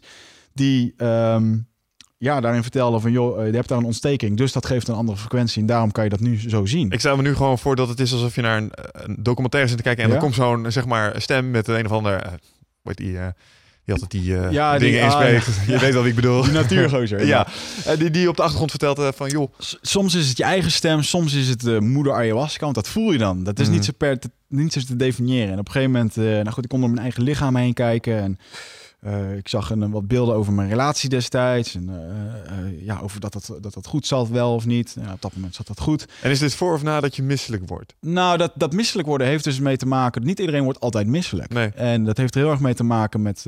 waar zit je mee? Waar gaat ayahuasca vandaag gaan werken om jou uh, ja, om dat eruit te gooien. Ja, ja, ja.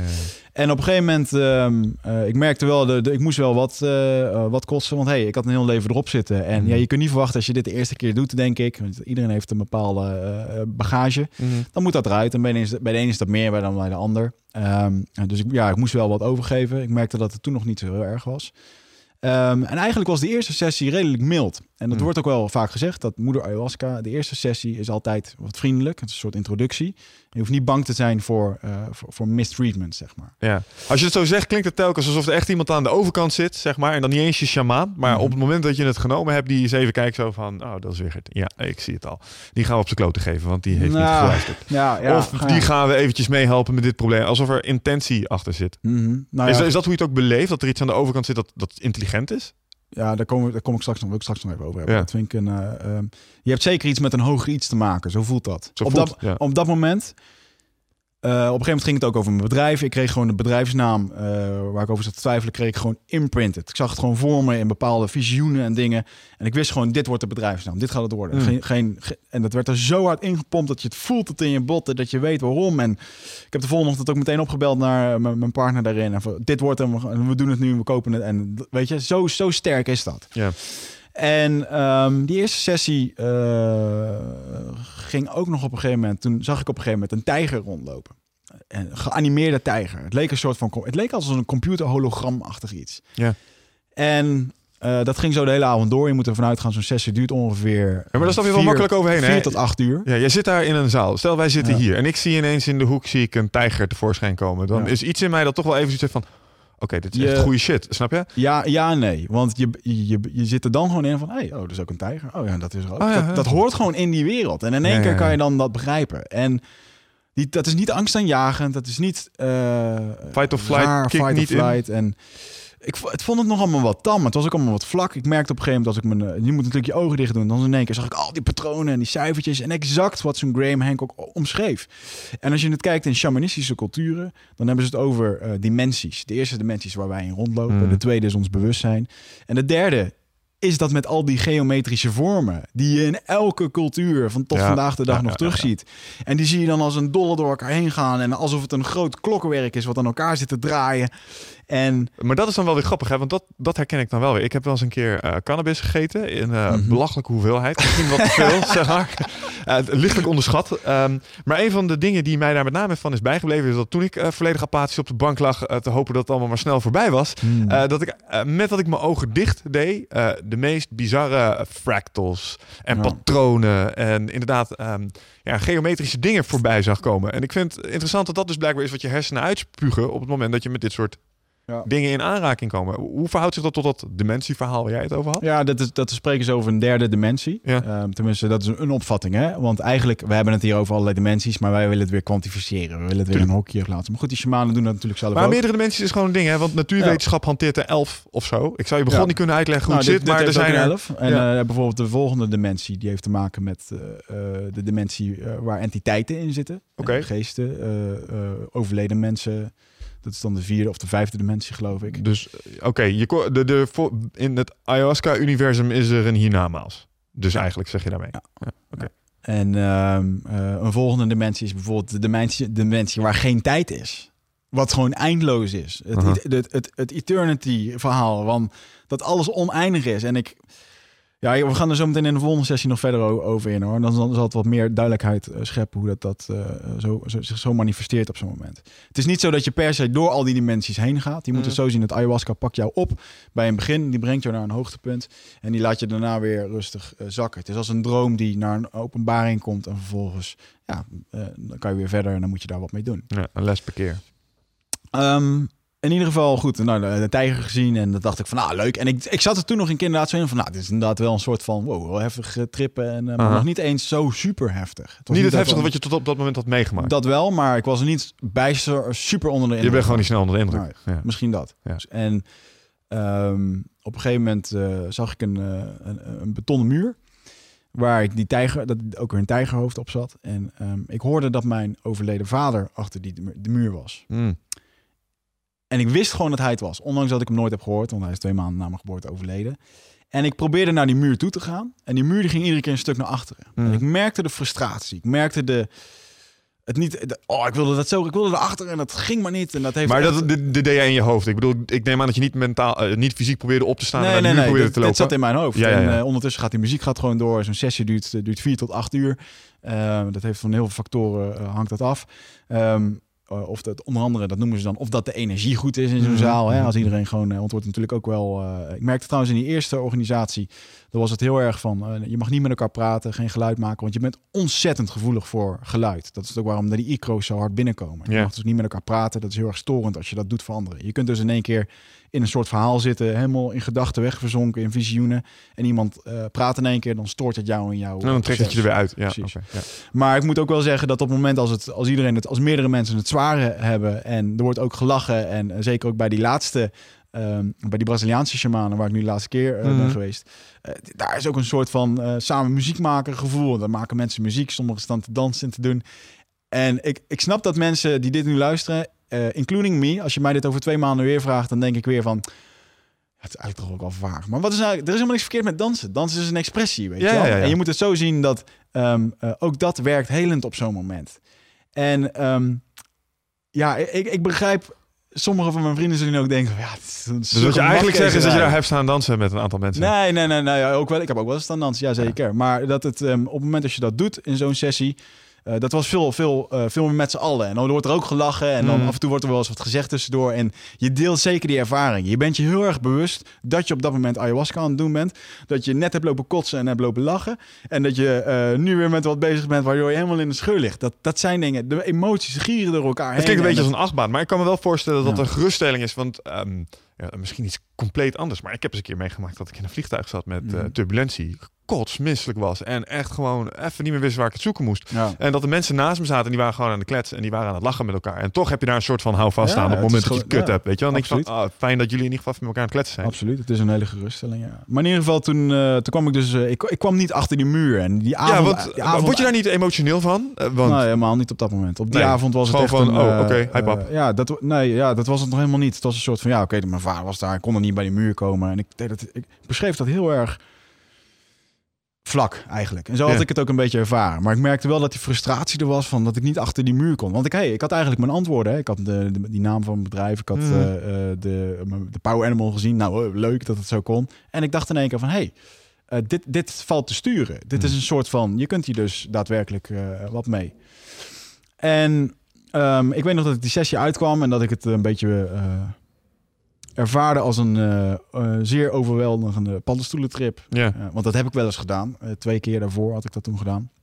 En ik moet heel eerlijk zeggen, ik wist toen helemaal niks van shamanisme, van oude culturen of waarom mensen dit deden. Dus ik heb twee keer een paddotrip gedaan om even te lachen met vrienden, Ja. gaat ouwen. En ja, we zagen rare dingetjes. Maar, dat is toch hoe de meeste mensen in aanraking komen met, eh, met paddenstoelen, Ja. met truffels, met wiet. Zeker, maar het verschil daarin is de intentie waarmee je het gebruikt. Ja. Want de intentie om even met, met tien vrienden te lachen en gekke dingen te zien en om elkaar een lachkick te krijgen, dat was het. Ja. En zo heb ik dat ook ervaren. En ik heb daar nooit iets mee gedaan met inzichten of met dingen. Of dat ik dacht van wow, dit is goed. Nee, het was gewoon een leuk grappig avondje. Ja, eh, nee, het was eigenlijk niks voor mij, want het is toch wel heftig. Weet Ja, je wel? ja. En op een gegeven moment, uh, nou, die ayahuasca-sessie was voorbij. En uh, je hebt dan de volgende dag, je slaapt dat hartstikke goed na zo'n sessie. Hè, want je, je hebt een hoop werk gedaan als het. Zo'n sessie wordt dan afgesloten. En ehm, ik merkte ook, in, in, in, in die sessie kwam de shamaan ook even voor je zitten. En deed hij een persoonlijke Icaro. Dan tikken ze je bij je tenen aan, dan moet je naar het voren van je matje komen. En dan gaat hij dus tien minuten lang op jou alleen persoonlijk doen ze Icaro's en zingen. En ik zag gewoon een zwarte vlak, zwart, zwart vlak persoon voor me. Ik zag ja, verder niks bijzonders. Of... En vervolgens kwam die dame nog een keer langs. En ik dacht van ja, oké, nou leuk. Voel je niks van, zie je niks van. Hmm. Nou, het zal wel, weet je wel. Dat was eigenlijk mijn eerste sessie. Dus ik was niet bijster uh, overweldigend of wat dan ook. Volgende dag moest ik natuurlijk weer een intentie hebben. Maar mijn intenties waren op, want ik had dat teken had ik ook al gehad. Alle vinkjes waren uh, gezet. dus uh, dus mijn intentie was toen van, joh, ik zou graag verder willen waar ik gisteren gebleven ben. Want ik, ergens was er iets getriggerd waarvan ik dacht, dit is vaag. Iets, iets, mm. Weet je? Nou goed. En, uh, um... Ja, als je daar dan uitkomt en je, je de volgende dag en je bent weer nuchter. En dan word je wakker en denk je, oké, ik heb gisteren... Leek het erop alsof ik contact had met mijn overleden vader. Is er dan niet iets wat in je hoofd even zegt van... oké, hoor je het jezelf zeggen? Toen, toen uh, besefte ik dat nog niet zo. Ik had wel zoiets van... dit, dit krijg je niet uitgelegd aan, aan, eh, aan andere mensen. Nee, dit is, dit is typisch wat je tijdens het lunchgesprek uh, lastig verkocht krijgt. Nou, en dat uh, zometeen het verhaal wat ik zo meteen ga vertellen... dat is voor mij ook eigenlijk meteen de basis... waarom ik weiger om in vijf minuten tijd aan mensen uit te leggen... wat ayahuasca is en wat het voor mij heeft gedaan. Omdat ik gewoon... We zijn er nu een uur over aan het kletsen... Ik heb nog geen. Uh, we kunnen hier zes over. Ja, we hebben nog geen deuk geslagen in het. En vervolgens kim ik. Nou, goed, de volgende dag begon dat. mijn intentie was ik wil verder waar ik gebleven was. Hmm. En um, ik weet nog dat ik toen een behoorlijk glas ayahuasca kreeg. En um, de shaman Roger heette die, een jonge gozer, denk ik een jaar of 32. Echt gewoon een gast van mijn leeftijd. Ook weer niet wat je verwacht bij een shaman. Ah, Roger, ja. Roger, Roger, ja, in, het, in het Spaans. En um, Roger eigenlijk. En um, ja, op een gegeven moment uh, weer je intenties uitspreken en uh, je drinkt je glas, gaat terug naar je mat. En op een gegeven moment ik merkte dat ik ontzettend verdrietig werd. Um, dat ik echt gewoon met mijn knieën opgetrokken op mijn borst zat en ik zat alleen maar te huilen. En ik voelde me zo ontzettend ellendig. Feutushouding. Feutushouding. En um, ik had het verdriet van iemand die net overleden was. En dat is een heel kenmerkend verdriet. Uh, verdriet. Dat heb je alleen op het gevoel alsof iemand, alsof iemand verloren hebt. Als iemand verloren hebt, of in een relatie, of op het moment dat hij dood is, dus, uh, of over, overleden is. Hmm. En dat is een pijn die, uh, die, herken je, die herken je weer als die er weer is. En voor de mensen die dat vaker hebben meegemaakt, die kunnen dat terug. Echte pijn in je hart, ja. zeg maar. En vervolgens dat ging eigenlijk drie uur lang zo door. En ik was heel nuchter om te beseffen dat eigenlijk... Uh, toen dacht ik echt van... Oh, als dit de drie uur gaat zijn, dan ja. gewoon echt een lange avond. Het wordt niet leuk. En uh, het bleef ook maar malen en doen. En op een gegeven moment merkte ik... Maar kom je dan ook achter waarom je zo verdrietig was? Mm, ja, nou ja, goed, dat, daar gaan we nu aan toe. Dat op een gegeven moment merkte ik dat naarmate ik bozer werd... en je doet het dus allemaal gedacht, ik werd een soort van boos en ja, opnaaide... dan voelde dat een soort van verlossen. Dus ik dacht in één keer viel het kwartje dat op het moment als ik uh, dat huilen en dat boos zijn, dat dat emotie was die eruit moest. En op een gegeven moment uh, zag, ik, zag ik mezelf als, als, als kind zijnde in een soort van, je moet het zien, je krijgt een visioen in alle vormen en dingen. Het is zo moeilijk om dat ook ja. te tekenen of wat dan ook. En op een gegeven moment um, zag ik mezelf als klein kind mijn vader verliezen. Ik was twee maanden oud. Ja. En je moet het zo zien, je kent van die boekjes waarin alles getekend is. Dat als je door het boek heen wappert, dat je een soort verhaal ziet. Ja, ja, ja, ja, Zo zag ik mezelf uh, geboren worden, uh, mijn vader verliezen. En zo werd ik langzaam ouder, tot mijn jeugd, tot de jaar of zes. En mm. wat er eigenlijk in werd verteld, was dat ik kreeg daar in één keer in door dat het, uh, het verdriet wat ik had toen mijn vader twee maanden na mijn geboorte overleed. Ik heb dat nooit kunnen uiten. Ik heb dat wel meegekregen als baby, ja. maar je kan het niet Denk je dat je als twee maanden jaar, eh, als je twee maanden ik zag, ik zag het. Ik zag mezelf terug. Ik zag details van, de, van onze huiskamer en dingen die, die ik herkende. Die ik, en, en ja, misschien zijn dit gedachten uh, die diep verzonken zitten in mijn brein. Ja, of misschien wordt het gekoppeld aan het feit dat toen je twee maanden was. Maar ik kan me voorstellen dat als jij, uh, kleine Wigger, die heeft echt wel momenten van verdriet gehad. Ook toen hij aan het opgroeien was, dat hij geen vader had. Ja. En ik denk dat dat er ook gewoon een onderdeel van is. Dus... Nou ja, een, een van de dingen wat ik de eerste avond zei van, joh, nou, ik zou het leuk vinden als ik ja, ja, ja, ja. krijg. Maar goed, ik verwacht er niet echt veel van. Dat is natuurlijk gewoon het wegstoppen van een diepe wens. Ja. Want eigenlijk Je hebt je vader gewoon hartstikke erg gemist. Maar wij, wij zijn mensen zijn heel erg goed om om te gaan met verlies. We stoppen dat weg. We praten er niet meer over. Hè? Zeker in Nederlandse cultuur. Van nou, dat is er niet. Maak er een paar grapjes En, over. Ja. Ja. En eh, ehm, bijvoorbeeld, ik had een, eh, even een gesprek met die shamaan van afgelopen weekend. Van hoe, hoe gaan jullie over met overleden mensen? Hij zegt, Mhm. nou, dan komt er sowieso een periode van rouw waarbij we emotie eruit gooien. Mhm. En dat is heel anders van, joh, eh, je moet sterk zijn en eh, niet huilen en het is goed. Ja. Nee, weet je, je zit gewoon vol met verdriet. Dat moet er juist uit. En Wij vinden dat in Nederland maar gênant als mensen dat. eh, Ja. van, als je dat van dichtbij ziet en, en je kent het niet en mensen hebben daar verdriet om en dat soort dingen, dat vinden altijd maar ja, moeilijk. ja, precies. En dat, is, dat vinden we ongemakkelijk. En, maar goed, dat is onze cultuur. En Ja, uiteindelijk zat ik daar en eh, ik zag mezelf dus opgroeien naarmate dat. En ik was een jaar of zes en dat was een beetje, het werd aangegeven als het teken, oh, het jaar of zes, dan word je in één keer, ga je in één keer dingen beseffen. Mhm. kan je dingen gaan onthouden. En vanaf daar begint volgens mij je leven een beetje te beginnen.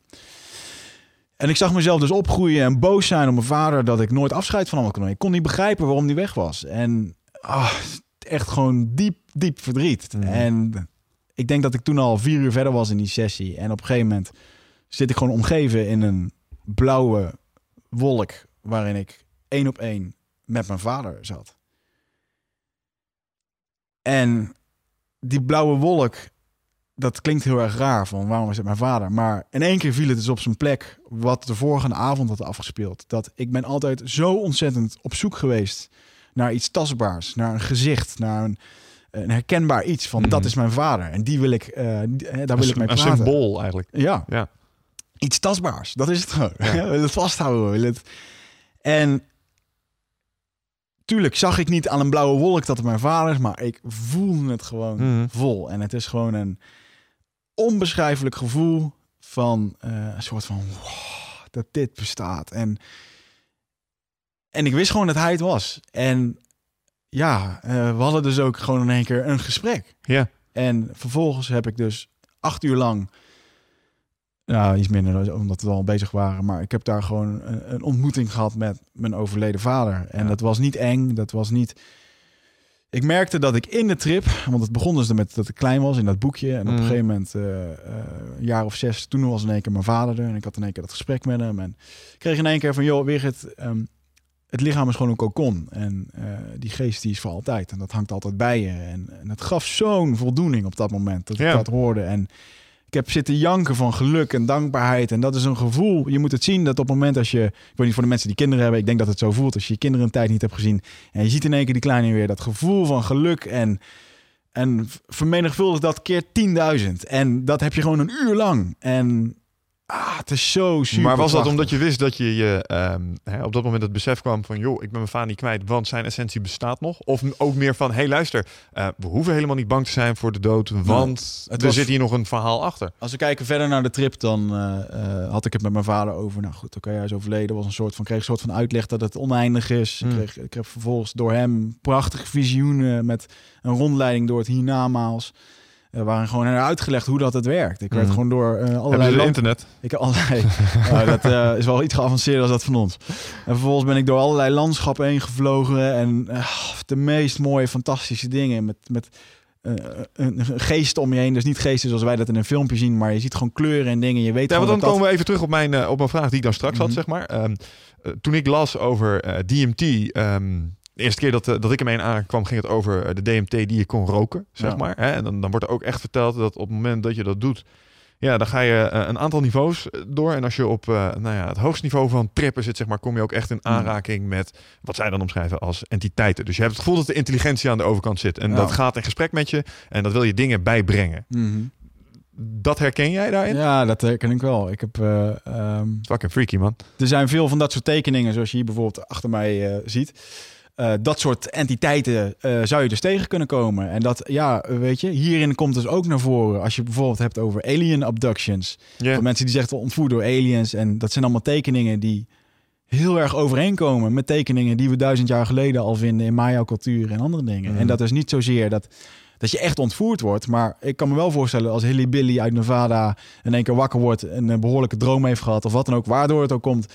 En hij heeft dat gezien dat hij denkt van wow, shit, ik ben ontvoerd vannacht. Weet je? Ja, maar dat is, eh, En- ja, maar dat is tweeledig. Want je hebt eh, bijvoorbeeld, ehm, hè, als het gaat om eh, abductions, Mm, als gevolg... eh, luister, als jij een eh, middel als ayahuasca of DMT neemt en jij komt vervolgens in een ervaring waarbij je eh, eh, aliens ziet, dan kun je misschien de relatie leggen dat eh, dat wat te maken had met het spul dat je hebt gedronken, Ja, toch? Dat is 100%. logisch. Ja. Zeker, ja. Eh, natuurlijk eh, iets mysterieuzer of misschien helemaal niet mysterieus zijn de gevallen waarbij mensen dat soort dingen meemaken zonder dat ze de, dat soort dingen hebben eh, genoten. Hoewel, eh, ik heb eens wel eens een keer, ik weet niet of jij dat kent, heb jij wel eens een night terror meegemaakt? Nee, Ken je dat? dat weet ik niet. Ehm, ik, ik ben, ehm, ben de Nederlandse naam even kwijt. Maar dat is een, eh, een staat tussen slapen en waken. Mhm. Waarbij je, ehm, je niet kunt... Sleep paralysis. Slaapverlamming. En Ja. slaapverlamming is, dan kun je, word je wakker, kun je niet bewegen.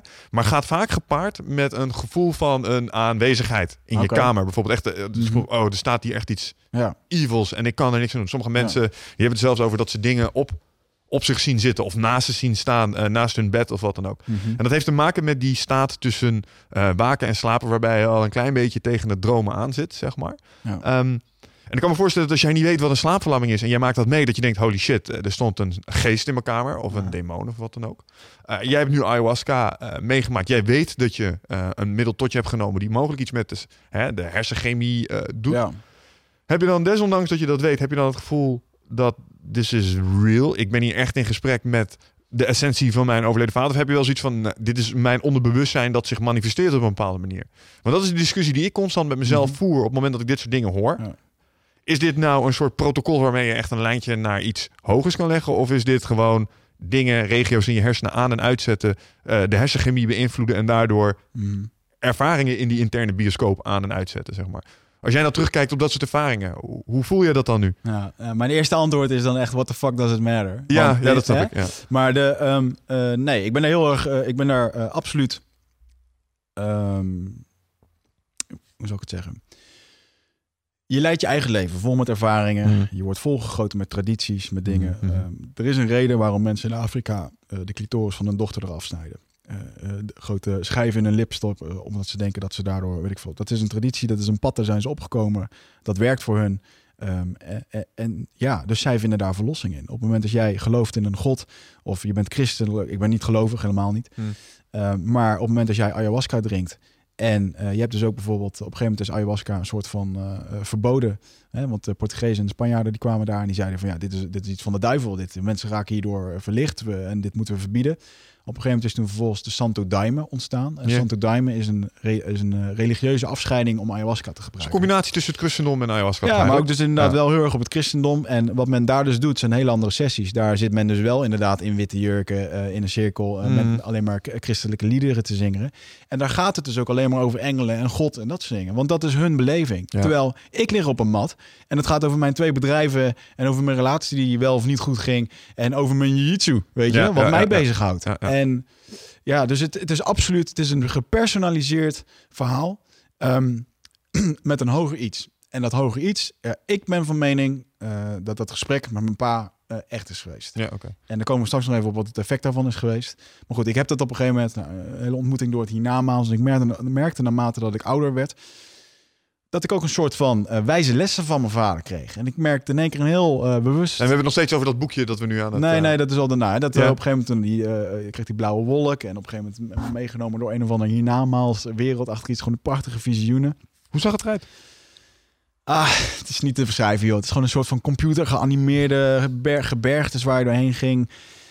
Eh, honderden kleuren en de meest mooie vormen. De, de, het is bijna niet te tekenen. En ehm, eh, ook op een gegeven moment, het kwam het overgeven kwam er ook bij. Want ik merkte toen in één keer, oké, wat je nu hebt zitten huilen is emotie. En dat, dat Mm. moet eruit. En op een gegeven moment, ik merkte dat ik moest overgeven.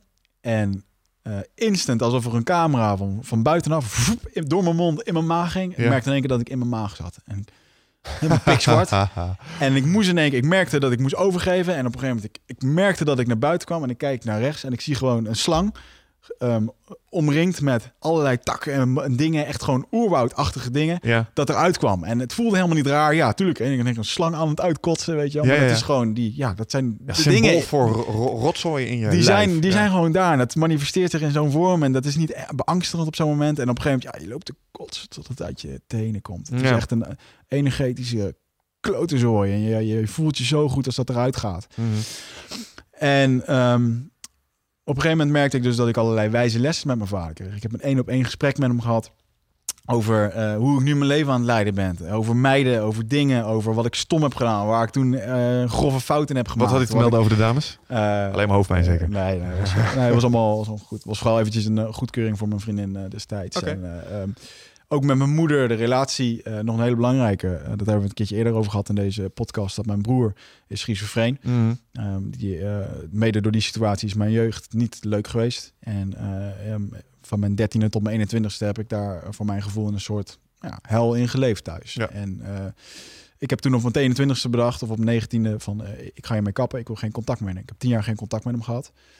Um, met je eigen broer, en dat is best wel heftig. Ja. En um, dat kwam ook in één keer aan bod. Van joh, en uh, dat met je broer. En toen dacht ik echt zo van nee, niet dit moment nu. Uh, we gaan het hier niet over Even hebben. niet, dit, ja, ja, ja, ja. Dit, ik wil dit niet. En heb je het ik voor kreeg, kiezen? toen, ik kreeg toen ook uh, um, echt zo'n goedkeuring van... oké, okay, dat is goed, dat doen we nu niet. Maar weet dat het ooit nog een keer gaat komen. Ja. Want je weet ook dat het... Ja, uh, en en, ik nu- dacht van, ja, oké, ik klom niet verder, verder met... uh, En nu raak je de kern waarom ik er zo tegenaan zit te hikken. Want eh, dit is precies, kijk, ik vertelde dat straks al. Ik heb een Mm. alcoholistische moeder gehad. Er zijn ook dingen gebeurd. En ik weet gewoon, dat is een beerput en daar zit een deksel op. Ja. En soms doe ik hem even open, dan kijk ik er even in. En dan denk ik, nee, nee, nee, nee, nee, daar gaan we echt nog even niet aan beginnen. Mhm. En ik ben bang dat dat ook op het menu staat. Op het moment dat ik daar echt mee aan de slag zou gaan. En ik herken heel erg dat, eh, dat daarvan wegschuwen. Ja. Waar je het over hebt, dat herken ik heel erg. Ja, wel- not this one. Deze even niet. want mensen moeten gewoon weten dat op het moment als ik bijvoorbeeld... eh, als bij ons thuis de, de, de deurbel ging, dan sloeg mijn hart gewoon over. Ja. Weet je wel, over eh, wat er gebeurde was. En eh, ik heb hem in een slechte, eh, slechte tijd heb ik hem drie keer overgeleverd aan de politie in één Mm. maand tijd. Ruiten die werden doorgegooid en continu in de stress en angst geleefd. Ja, En dat we is- waren een picture perfect family, weet je. voor de En, buitenwereld. voor de buitenwereld. En Ja. dat, dat is echt voor mij een les geweest dat ni- niks is zoals het lijkt. Maar goed, terug naar ehm eh ayahuasca-sessie. Op een gegeven moment ging het daar over mijn broer en over mijn moeder. En Mm. Het was zo'n geruststelling dat, het, dat hij er was. En dat, dat ik die gesprekken één op één met alle wijze lessen kreeg ik in één keer binnen die ik niet met hem heb kunnen bespreken. En dat hadden we gewoon in één keer. En ik heb volgens mij ook al duizend keer dezelfde vraag gesteld. Gewoon omdat ik, ik kon, wist het ook niet eens wat ik moest vragen op een gegeven moment. En op een gegeven moment, ehm, uiteraard heeft eh, jiu-jitsu, vechtsport, eh, heeft altijd een grote rol in mijn leven Mhm. gespeeld. En ik heb me altijd heel erg geïnteresseerd in samurai cultuur. Ja. En op een gegeven moment ehm, kwamen de... ehm, eh, ik merkte dat er een soort afscheid kwam. Van mijn pa zijn bezoek zat erop. Mhm. En eh, ik heb letterlijk ook echt afscheid genomen daarvan. Van joh, eh, oké, misschien tot nooit nog een keer. En bla bla bla. Ehm, en op een gegeven moment nam de moeder, de stem, moeder ayahuasca, die nam dat over. En op een gegeven moment ging ik met haar aan het werken. En dan ging het over hoe ik op dit moment deed. En wat ik deed met mijn bedrijven. En ik zag mezelf als een jaar of 16. Ik moest nog steeds gevormd worden. Mhm. En op een gegeven moment kwamen ze de persoonlijke Icaro's eh, zingen. Kwamen ze dus voor je zitten. En eh, eerst kwam de man voor me zitten. En hij kwam voor me zitten. En wat ik de avond... Ik had weer zoiets van... Nou, dan gaat weer net de avond tevoren. Gewoon zo'n zwarte vlak. En op een gegeven moment hij begint te zingen. En ik zag mezelf in een volledig samurai eh, eh, harnas zitten. Volledig met kleuren en dingen. En op het moment als hij begon te zingen... dan gingen al die vlakjes oplichten. En ik voelde me zo ontzettend euforisch. En ik merkte dat hij was aan het zingen. En ik zag in één keer de zeven codes van die samurai. Mhm. Dat zijn eh, respect, loyalty en dat soort dingen. eh, honor. Die zag ik als een soort papier voor hem uit hem vliegen. En een, en een soort van blaadje dat naar mij toe werd geblazen, kwam zo in mij. En het voelde alsof hij gewoon... Hij was, ik merkte gewoon, hij was de mannelijke essenties die men nodig heeft, was hij in mij aan het pompen. Mhm. Dat was een soort heropvoeding. En ik werd opgevoed als een samurai. Hè, met die waarden, met die, eh, met die kernwaarden, met, die, met de dingen die Maar- daar belangrijk voor zijn. Eh, Meer het mannelijke aspect van Het mannelijke aspect. Doe me een beetje 100%. denken aan wat we, waar we het met Leon eh, destijds ook over hadden. Dat, Ah. hè, dat, de vrouw, dat, dat de moeder-energie een energie is waarbij je kan zijn. En dat de vader-energie een energie Ja. is die je, eh, wat je zou moeten worden. En dat daar bepaalde nou ja, normen en waarden aan kleven die bij een vent horen. True. En ja. dat je die ook in je moet hebben. Goed, hij deed dat dus en het was zo krachtig. En ik merkte dat ik als ik inadem, dat heel dat harnas begon dan helemaal op te lichten. En ik voelde me, ach man, ja, ik, had- je me, je had me tegen Fedor Emelianenko kunnen zetten. Op dat moment de beste eh, prijsvechter ooit. En eh, eh, zo'n gevoel had ik. En ehm, eh, dat was echt heel erg bijzonder. En op een gegeven moment kwam de, de dame daarna, de vrouwelijke shamaan, een vrouwtje van 64 kwam tegenover. En ze komt tegenover me zitten en ik denk van, nou, nu komen we weer. En de eerste gedachte die, die door me heen schiet is, hoe zou het om haar, om met haar seks te hebben? Hoe zou het zijn om haar seks te hebben? En ik dacht echt, nee! Ja, no, no, no, no, no. Ja. Hoe kan je hier aan denken, weet je? Dit is niet het moment. En Oh, ook erg. niet aantrekkelijk, of tenminste niet in de vorm waar ik eh, een vrouw in zoek. Of Had ze het door? Gaf ze een knip ook? En ehm, eh, 64 jaar ook. En ik, ah, ik voelde me zo schuldig erover. En, Ja. ik, en, en op een gegeven moment, ja, zij zat op een gegeven Ja, moment zij wilde ook. tegen, mij te, tegen mij te praten. En ze trok mijn kleren uit. Ja, ja. En, Toen eh, kreeg ik een zij- hele andere wending. Zij zat tegenover mij en ik kreeg een super felle afstraffing. Van, eh, dit is niet netjes wat je nu doet. Ah. En, en ik dacht het weer. En, ik, en weer werd ik op mijn vingers getikt. En op een gegeven moment, ik merkte dat zij aan het zingen was. Zij is dus aan het zingen. En terwijl ze dus aan het zingen is, wordt er een soort van telepathisch gepraat. En ik merkte dat zij de vrouwelijke dingen eh, die een man moet hebben... Hmm. om goed te kunnen functioneren, aan mij in het, aan Oh. het toedienen was. Dus eh, lief zijn, zorgzaam, beleefdheid, respect. Respectvol, ja. En ik merkte hoe vaker ik zat te denken aan dat onderwerp seks met haar, hoe minder dat het.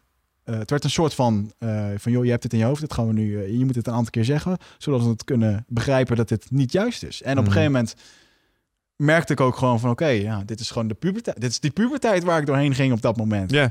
En ja, vervolgens was die sessie afgelopen. Ehm, eh, ja, er is nog veel. Ik heb daar hele, ik heb volgens mij zeven pagina's over deze sessie eh, geschreven. Ik zag bijvoorbeeld ook mijn. eh, ook wat dingen waar je niet zoveel mee kan. Bijvoorbeeld mijn, mijn oma zag ik in een soort van Mm. overleden toestand.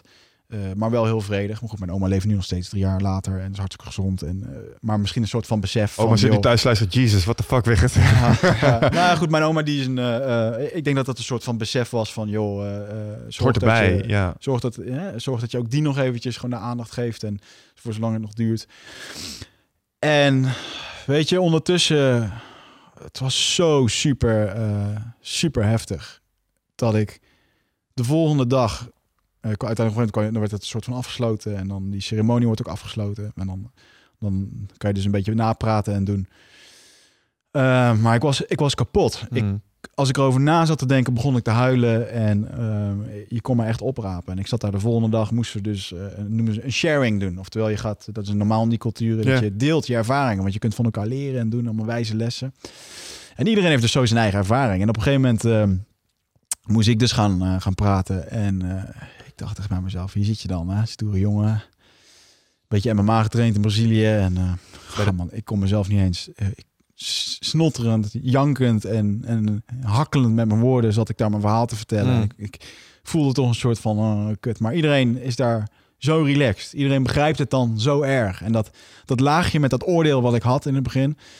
Van oh, kijk naar hem, kijk naar hem en ik kijk hem dan. Weet je, Mm. dat is, wordt er zo afgevild op dat moment. En dat is iets wat eh, je kunt jezelf zijn. Weet je, zonder ene gêne of wat dan ook. Niemand, niemand zit daar raar van. Ja, je vader. Maar is dat dan wat jij bedoelt met dat stukje oordeel en dat stukje ego? Dat wordt weggestript? Mm, ja, 100 procent, 100 procent. Nou, want het is waar. En natuurlijk waar we het over hebben is natuurlijk dat stemmetje in je hoofd dat altijd ergens iets van vindt. Ik bedoel, als je naar, eh, nu ook naar de mensen die luisteren. Ik bedoel, ik weet niet of je mensen om je heen hebt zitten. Maar als jij op een werkvloer zit of wat dan ook. Of je ziet mensen om je heen. Je hebt altijd per Mm. direct je mening klaar liggen. Ja. Hè, het sluit wel een beetje aan bij wat jij zei over eh, die vervelende gedachten die je kop in schoot. eh, toen je oog in oog stond met zo'n eh 64-jarige Ja. eh, dame.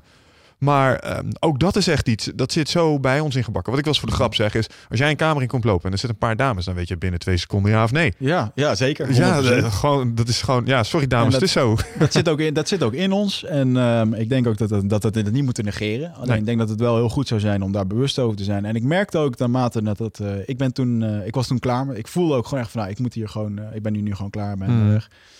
En ehm, ja, dat is een hele bijzondere... eh, was een super bijzondere ervaring. En ik, je loopt daarna, de weken daarna dat je zo'n sessie hebt gedaan... dan loop je op een soort van wolkjes. Niks kan je irriteren. Afterglow. Je kan alles heel erg goed eh, relativeren. Maar het appt ook weer weg. Mhm. En zoals ik nu deze droom, eh, droom of visioen of sessie beschrijf, je beleeft hem alsof het een echt ding is wat je hebt meegemaakt. Mhm. Anders, want een droom kan je niet zo gedetailleerd terugvertellen zoals ik dat nu doe. Ja, maar je zegt het appt weg, maar ik heb wel het gevoel dat de lessen die je eruit hebt gehaald, dat je die nog steeds Ja. over hebt gehouden. En dat kan ik wel even relateren naar een eigen ervaring. Ik heb zelf ook wel eens eh, shrooms gedaan of eh, truffels. Mhm. En daar heb ik ook wel eens, eh, nou, ik heb er leuke ervaringen mee gehad, maar ik heb ook wel eens ervaringen gehad dat ik een, eh, een les over mezelf geleerd krijg. En dat, Ja. dat zat hem inderdaad in de intentie, want als je met een aantal maten ergens eh, leuk blijft hangen, dan wordt het heel erg eh, Mhm. jolig en dan lach ik en lekker eten en dat soort dingen. Ja. Maar als je eh, jezelf een beetje afzondert en je gaat met een goede vriend bijvoorbeeld het bos in of iets dergelijks, dan krijg je een ander soort vibe, krijg je veel diepere gesprekken. Zeker. En ik kreeg op een gegeven moment teruggekoppeld dat ik, ehm, nou ja, zo af en toe best wel... Als je dingen zegt, soms zeg je dingen op een bepaalde manier dat het gewoon goed klinkt. Mhm. en dat deed ik ook in dat gesprek. En dat werd me op een gegeven moment een paar keer gewoon aangewezen, gewoon van binnenuit, van tik tik, hey, let eens op. Dat hoef je niet meer te doen. En dat moest ik op dat moment, moest ik dat ook terugkoppelen naar degene waar ik op dat moment mee liep. Ja. Dus het kan je inderdaad echt... Ehm, ja, lessen meegeven uh, die je dus uh, jaren later nog steeds bij je hebt. Want als ik het nu over die ervaring heb, uh, toen, was het, toen voelde het echt als heel nou, negatief wil ik niet zeggen, maar van joh, we ben toch een poser. Dat hoef je niet Mhm. altijd te doen. Ja. En die les is wel blijven plakken, want het gevoel is misschien wel niet meer zo intens als ik eraan denk. Mhm. Maar ik weet nog steeds dat het niet nodig is en dat het iets is wat mensen soms doen en dat je jezelf er ook nog wel eens aan schuldig maakt. Is dat nu bij jou dan ook? Het Zo? maakt je, eh, maar vind ik persoonlijk, en de mensen moeten er zelf over vinden wat ze van mij vinden of Ja. niet, maar eh, het maakt je 100% een beter mens. Want het maakt je heel erg bewust over hoe jij met bepaalde mensen omgaat. Hmm. Hoe jij met je eigen gedrag omgaat. En ook naar andere mensen toe. En ik heb nu een, eh, een dertiendal eh, lesjes nederigheid van moeder ayahuasca gehad. Ja, want ik wou net zeggen, want dit was sessie, eh, dit was de Ja, nou, sessie was- 1 en er zijn er nog één. 13 van dat soort weekenden geweest. Ja, en ehm, eh, ik zal zo meteen wat hoogtepunten daaruit pakken over wat, wat nog meer mooie ervaringen waren. Op een gegeven moment, in ieder geval, het, het werkt ontzettend lang door. Want ik Mm. heb twee bedrijven. Ehm, ik werk hard, ehm 60 tot 80 uur per week zijn geen uitzonderingen. Mm. En ehm, we gaan het hele molentje door, hè, van, eh, eh, van- van- ja, eigenlijk van alles en nog wat. Ehm, Ja, want dat is, maar- dat is misschien iets waar ik wel even op wil inhaken. Hè? Want je zegt, joh, ik, eh, ik heb twee ondernemingen. Ik heb de laatste tijd, eh, periode, heb ik best wel hard eh, eh, moeten werken. Mhm. Ehm, ik heb de interessante positie gehad natuurlijk eh, dat ik jou al een tijdje ken. En ik heb jou natuurlijk ook eh, meegemaakt toen je eerste sessies mee gaan doen. Ja. Eh, en in dat opzicht kan ik, eh, als iemand die nog nooit ayahuasca heeft gedaan, kan ik wel een soort van outside perspectief geven. Want ik weet wel iets over het, eh, over het spul.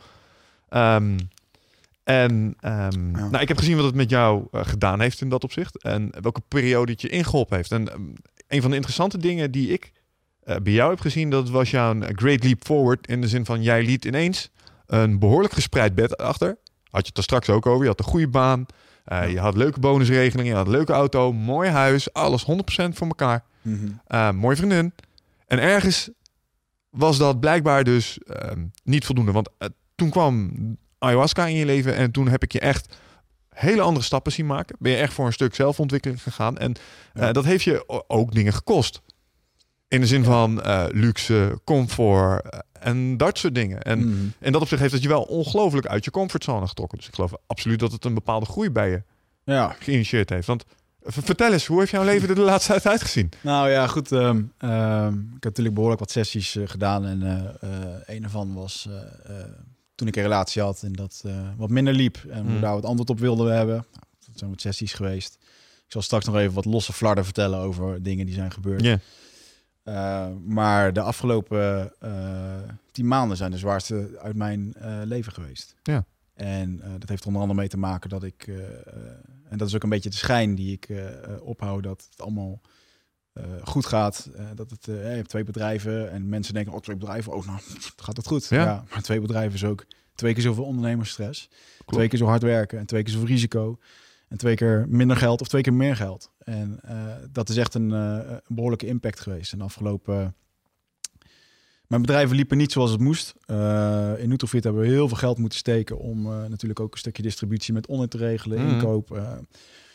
Eh. Ehm, mijn andere bedrijf, Easier, daar zat een ontzettend grote investering in... eh, van, een, eh, van een andere partij eh, voor een product wat niet lekker is gaan lopen. Mhm. En we hadden verwacht dat dat na twee maanden zo- zou gaan renderen. Nou, Mhm. na twee jaar was dat nog niet het geval. Dus ik hoef je niet uit te leggen ja, wat voor stress dat het met zich meegeeft. Nee, iedereen speelt winkeltje natuurlijk. En we weten Ja. allemaal dat er zwarte cijfers onder de streep moeten komen. Dus daar, daar moest op een gegeven moment iets nieuws in komen. Een product wat we hadden bedacht, dat, dat sloeg niet aan. We moesten daar wat nieuws in. Mhm. Gelukkig heb ik wel altijd mensen om me heen gehad, inclusief jij Michel, die, eh, die geloofden in mijn plannen en hoe, lang, hoe, hoe, ehm, hoe erg dat het ook kon wisselen. Want ik kan in één keer, eh, in één keer een soort van ingeving hebben, of dat nou de ayahuasca is of de andere dingen waarvoor ik denk van we moeten nu niet doen en dan wil ik het liefst morgen geregeld hebben. In dat opzicht hadden we denk ik geen eh, beter team kunnen zijn. Want ik denk dat inderdaad, gelet op hoe wij soms tot onze besluitvorming komen eh, binnen bedrijven. Als je bijvoorbeeld kijkt naar ons leadership, wisdom, goodness. ja, daar komen we straks nog wel Ja, ik wel, ik wou het zeggen. Ik bedoel, Maar in ieder geval, ehm, ja, afgelopen uh, tien maanden mijn relatie ging uit. je moet het zo zien, ik, ik had een mooi huis gehuurd destijds op mijn salaris wat toen kon. Mhm. En ja, ik was toen 27, verdiende 85.000 euro per jaar. Ja. en als ik daar langer had gewerkt, dan, ja, dan had ik binnen twee jaar nog meer verdiend. En dan was het nooit meer weggegaan. Dat is voor mij de reden geweest waarom ik op een gegeven moment dacht van, joh, we moeten hier weg. Dikke auto. Nou ja, dat, uh, dat spaarpotje van 10.000 euro, dat was natuurlijk zo leeg uh, toen ik uh, ging ondernemen. En hey, je wil een keer op vakantie en je krijgt een keer dit. Nou, na een jaar is dat gewoon op. Nou, na twee jaar ging mijn relatie uit. En ehm, ja, dat is natuurlijk al een dingetje. Daar was ik, uh, was ik kapot van. Uh, ik vond het kloten. Ik heb daar uh, gemengde gevoelens over gehad. Van de mm. ene zijde dacht ik van ja, het liep inderdaad niet lekker. Anderzijds dacht ik van ja, verdomme. Hoe lang was die relatie? Vijf en een half jaar. Ja, maar dat gaat je ook niet in de koude kleren zetten. Nee, het zou ook niet goed zijn als dat wel zo was. En zeker ook het, ehm, joh, zij was ook ondernemer en ook een hardwerker. En misschien was dat ook geen goede combi. Mm. dat was een beetje het, het verhaal toen. Op een gegeven moment, ik heb toen wat, ja, wat bijzondere ja, die sessie zal ik zo meteen even op inkomen. Ik zal eerst even dit verhaal afmaken. Op een gegeven moment uh, is toen de keuze gemaakt van... joh, wat gaan we doen met het huis? Mhm. Ik woon in Utrecht. Uh, waarvoor ik eigenlijk uh, voor haar wonen en voor mijn vorige baan. Ja. Ik kom oorspronkelijk uit Os. dus daar zou ik ter even terug kunnen naar mijn ma of even weg kunnen. en ik had mijn bedrijf in Zoetermeer. Maar Os en Zoetermeer is vier uur per dag rijden. Ja. Dus dat was eigenlijk geen optie om productief aan de slag te gaan. En um, ik heb toen uh, als tijdelijk tijdelijke oplossing heb ik toen bedacht. Uh, van joh, misschien zou het dat zijn dat ik gewoon op kantoor zou kunnen slapen. en, en zo gezegd, zo gedaan. Zo gezegd, zo gedaan. Um, en uiteindelijk kwamen er, uh, liep het dus zo dat we waren ook met een nieuw uh, stukje productontwikkeling bezig. Waarbij er wat minder geld binnenkwam bij beide ondernemingen. Uit Nutrofit kon ik niks uithalen, want mm. er zat het al geld in. Nee, ik hoef jou niet te vertellen hoe vaak ik wekelijks bij jou heb gevraagd of we alsjeblieft niet wat geld eruit zouden kunnen halen. Ik had gewoon geen rode cent meer. En ik was kaart aan het werk en ik had geen huis. En uh, ja, ik mocht gelukkig dan daar slapen. Uh, dus ik heb daar met een zelf opblazend matje van drie centimeter uh, heb ik daar... Heb jij tien maanden op een kantoor in Soetermeer? Juist. En het mooie is dat het is een redelijk moderne kantoor. Dus er zat een keuken in en, en een douche. En er zit één jongen die zit in een rolstoel. Ja. En die mag naar een aparte wc. En daarvoor moet je naar een tussenhalletje. En dan kan je naar die wc toe. Verder komt er niemand. Ja. En uh, dat was dus het uh, hokje waar ik uh, de uh, elektriciteitssensor, of sorry, de alarmsensor had afgetaped met duct tape, zodat dat ding niet af zou gaan. Zodat jij niet s'nachts in de TL-verlichting lag te slapen. En uiteindelijk heb ik natuurlijk ook uit een stuk schaamte gevraagd van, joh, jongens, ehm, ik, ja, dit hoeft niet iedereen te weten, want het is gewoon kut. Ja. Um, dus uiteindelijk een mannetje of vier, vijf wisten dit. Mm. En dat zou dan even voor een paar weken zijn, want dan uh, kun je wel weer uh, uh, de weg op en gaat alles wel weer goed. Maar goed, je weet hoe dat gaat met ondernemen. Niks gaat snel. En, doorlooptijd is een ding. Doorlooptijd is een dingetje. Op een gegeven moment ja, kom je er toch achter van, nou, we gaan de relatie afwikkelen. We gaan het echt niet, we gaan niet meer samen door één deur. Mm -hmm. En um, er komt een financiële rompenslomp achteraan. Ja. terwijl er geen geld binnenkomt. ik kon mezelf geen salaris uitbetalen of beperkt. Uh, ik kreeg geen geld meer van een investeerder. Niet voor, uh, niet voor dat uh, mm. gedeelte. Dus er moeten opofferingen gedaan worden. En dat heeft er uiteindelijk voor gezorgd dat ik tien maanden lang op kantoor heb geslapen. Ja. Waarbij ik de afgelopen... ik ben nu drie weken heb ik een huis in Amsterdam. Omdat sommige investeringen zijn afgelost. Dingen weer beter gaan. Ja. Ehm, maar ik merkte dat ik op een gegeven moment toen ik daar op kantoor zat ik vond het een vorm van isolatie. Want uh, uh, niemand heeft daar dus in de gaten gehad in die tien maanden dat ik daar heb geslapen. Op die vier mensen na. Ja. En, uh, letterlijk de kantoor ninja. Het is letterlijk gewoon dat ik daar mijn matje s'avonds neerlegde. S ochtends ruimde ik het op, want niet iedereen moest dat natuurlijk zien. Want mm. er waren ook andere bedrijven die daar kantoor houden. En ik sliep daar met mijn spullen. Maandagochtend ging ik heel vroeg vanuit Os, of misschien zondagavond soms al, ging ik daarheen. En ging ik dan daar slapen om s ochtends als eerste op kantoor te zitten. Ja. En dus altijd als laatste weg. Nou, wat zul jij ijverig zijn opengekomen op je collega's daar? Die opmerking heb ik zo vaak gehad. Van, ja. wat, wat zit jij hier toch vaak? Jezus en Christus, woon jij hier of zo? om half acht reken lang. Stond je auto er nog? Ik denk, ja dude, vannacht om half drie ook nog. ja. En um, uh, dat is een. Uh, op een gegeven moment merkte ik dat ik. Ik zat op kantoor en je wilde wat gaan doen. En je zit niet lekker in je hum, want je kan niet met je vrienden. Je mm. sociale contact als kloten. Ja. Uh, ik hoef niet uit te leggen dat een meisje mee terugnemen naar kantoor ook absoluut geen optie is. in de zin dat van. een beetje aan hoe je het verpakt. Ja, nou ja, goed. Zo erg voelde het nog niet mijn kantoor. En om nou in Amsterdam op stap te gaan en dan vervolgens eentje mee naar Zoetermeer te nemen, vond ik ook niet helemaal een ding. En ehm, ik merkte gewoon dat ik een onwijze drang had om, om het een succes te laten maken. Om Mhm. het te laten, gaan laten werken. En eh, op een gegeven moment eh, ga je toch in de molen van een, een kat in het nauw maakt, na, maakt, maakt rare sprongen. En Ja. dat werkt ook voor ondernemers. Dat is het moment waar ik eh, een onwijze persoonlijke groei heb kunnen maken door een stukje persoonlijke ontwikkeling. Door bijvoorbeeld eh, met een coach te gaan werken. Mhm. En dan komen we straks nog even op. Eh, in mijn geval is dat Michael Pilarczyk, voor sommigen wel bekend als de oude radio-dj Ja. en eh, van VJ van TMF. Die voor mij een, een, een hele belangrijke rol heeft gespeeld in doelen stellen voor jezelf. hoe je daar naartoe werkt. En dat is zo'n transformatie geweest. Ja.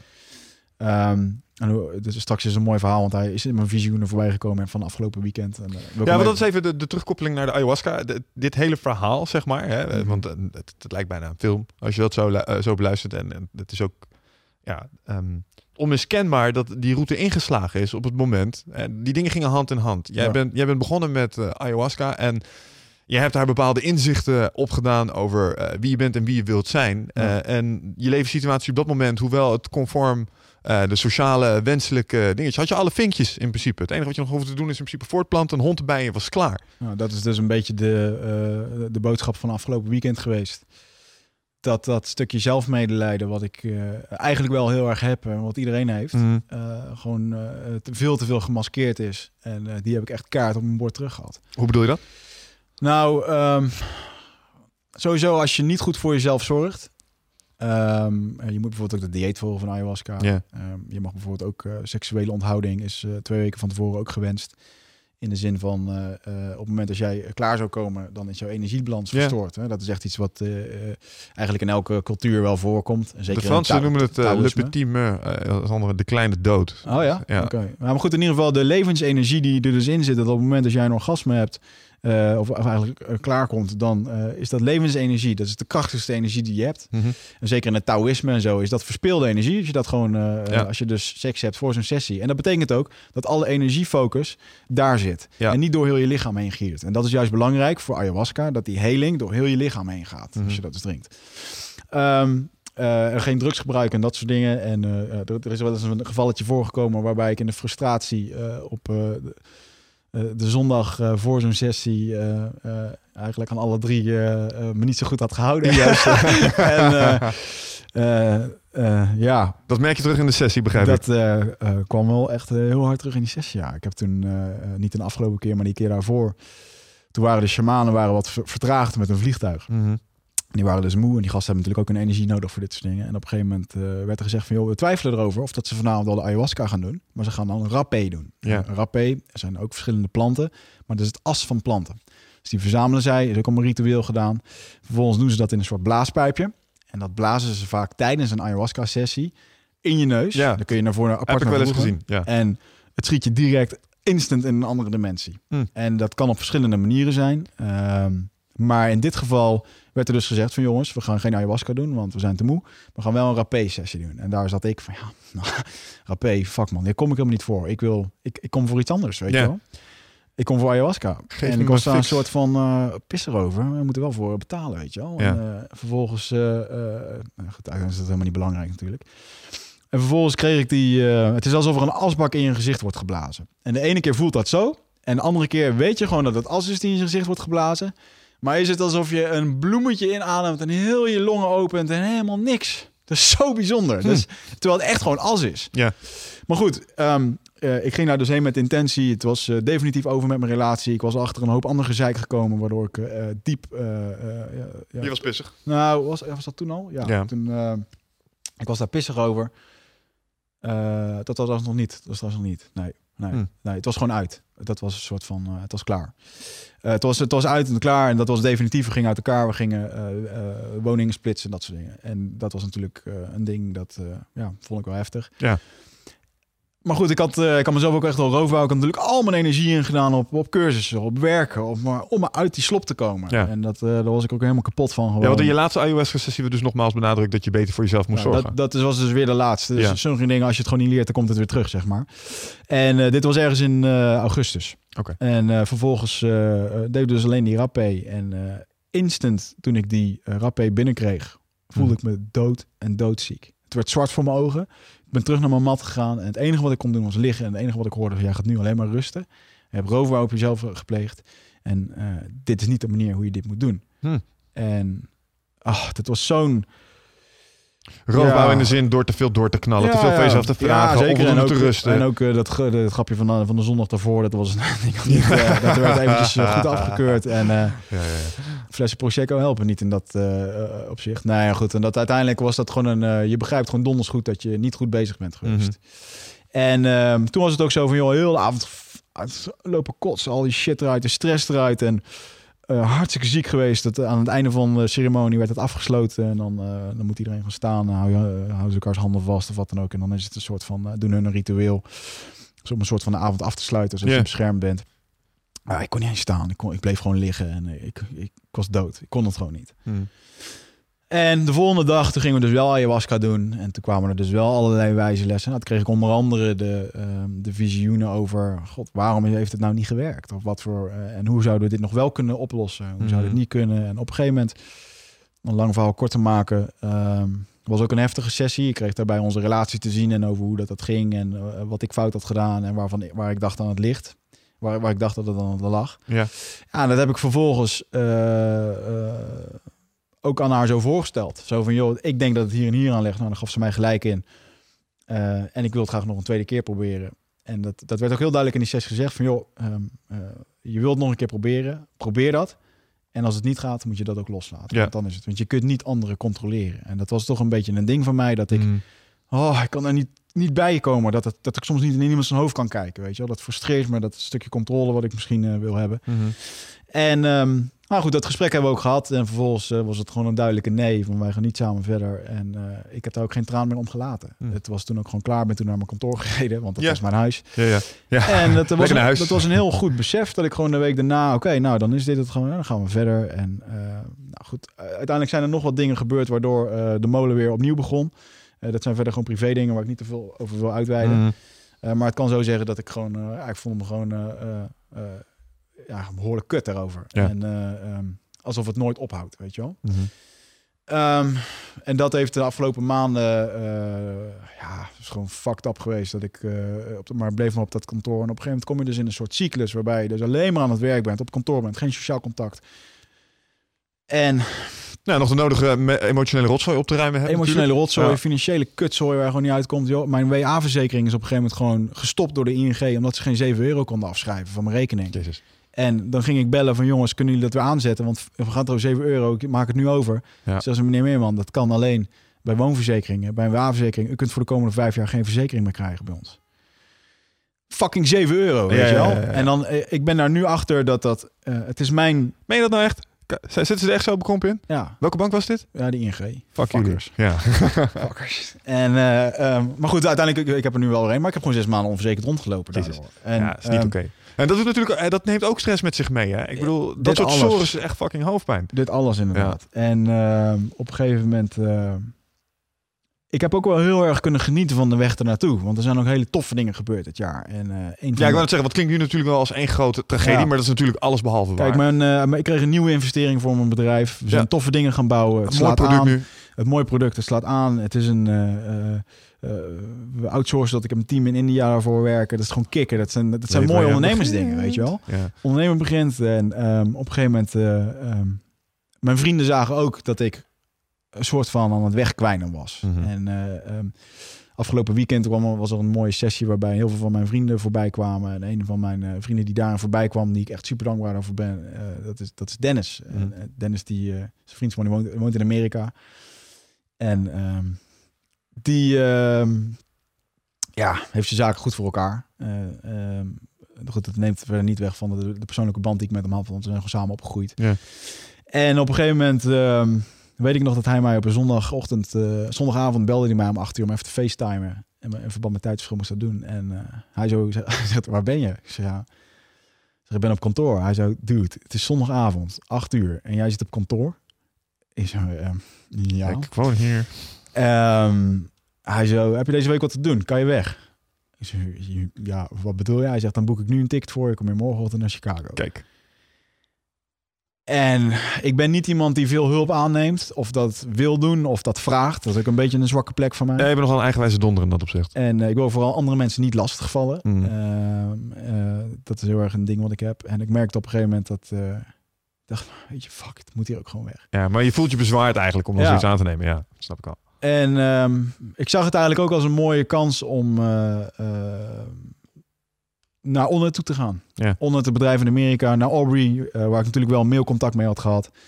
Ehm eh, Onnet weet, Aubrey weet dat ik, dat ik hem onwijs dankbaar ben. Want ik heb Aubrey een, een fantastisch cadeau gestuurd nadat ik die eerste ayahuasca-sessie heb gedaan. Of eigenlijk een jaar daarna, omdat ik hem gewoon zo dankbaar was voor het complete gevoel wat ik heb gekregen. Wat ik nu nog steeds heb, drie jaar later, na die ontmoeting met mijn vader. Dat alsof er, als er nu iemand tegen mij zegt: van, Vind je het niet jammer dat je vader is overleden? Want je hebt niet alle lessen gehad. Dan durf ik nu kaart in zijn gezicht te zeggen dat ik die allemaal heb gehad. En dat Mm. ik niks tekort ben gekomen. Mm. Behalve het fysieke. Ja. En eh, dus die, dat, dat lag er al met, met onder. Ik ben op een gegeven moment naar Amerika gegaan. De eerste vier dagen heb ik alleen maar geslapen. Ik was helemaal gesloopt. En eh, natuurlijk een beetje eh, le- leuk gehad met elkaar. Ik was hem zo, zo dankbaar voor dat hij dat voor me heeft gedaan. En dat ik daardoor ook nog naar onder toe kon. Mm. Waardoor ik een goede relatie met Aubrey Marcus heb eh, eh, weten op te bouwen. En dat, dat kwam afgelopen weekend ook gewoon zo sterk naar voren. Van, gozer, drie jaar geleden zat je naar een podcast te luisteren. Was je zo erg onder de indruk van iemand dat die je stap heeft laten nemen. Ja, En drie jaar later sta je dronken te worden met een paar chicks in zijn huis. Biljarten, te biljarten en mapacho's te roken. Wat eh, de, de jungle sigaren van de eh shaman die gebruiken ze ook in de rituelen, hè? Ja, ja, ja. Ja. En maar dat is een soort van gezonde tabak. Die stonden daar te roken, dronken te worden. En gewoon een fucking toffe mannenavond gehad, Ja. weet je. En Maar is dat dan niet juist het, het vette aan wat, eh, wat ik dan... Hè, want ik zeg, eh, joh, ik heb je van een afstandje kunnen, eh, kunnen zien ontwikkelen. Eh, Mm. Gelukkig heb ik de mazzel gehad dat we met z'n tweeën een bepaald pad op zijn gegaan. Dus ik heb die groei zelf ook kunnen, kunnen zien en hoe jij daarin geacteerd hebt. En ehm, nou, ik merk aan mezelf, ik ben nogal een, eh, soms een kat uit de boomkijker. En eh, Mhm. het voordeel dat ik ervan heb gehad, is het feit dat jij door ayahuasca in één keer bijzonder daadkrachtig, eh, ook in de combinatie met Michael, waar je het daar straks over had, je werd in één Ja. keer heel gefocust. Eh, en je had in één keer bepaald, oké, maar ehm, blijkbaar is dit standaardplaatje waar ik nu aan voldoe, is het, is het niet voor mij. Ik moet gaan scherp stellen wat het wel is voor mij. Ja. Dat had je dan ook echt binnen de kortste keren had je dat voor elkaar. En wat er heel prettig aan is, is als je daar naast staat, dan word je meegenomen. Ja. Dat heeft mij ook ongelooflijk veel goeds gebracht. Ik bedoel, het is onmiskenbaar dat ehm, nou ja, het de stijgende lijn die we nu weer eh, te pakken hebben, dat is echt synergetisch. Dat is echt Ja. mooi om te zien ook. Maar eh, ik vind echt, wat ik daar mooi aan vind, is dat ayahuasca daar echt een trap onder je kont is. Hmm. Geweest. Ja, ja, ik heb op een gegeven moment eh, eh, eh, een van die tweede sessies ging over mijn, eh, over mijn bedrijf.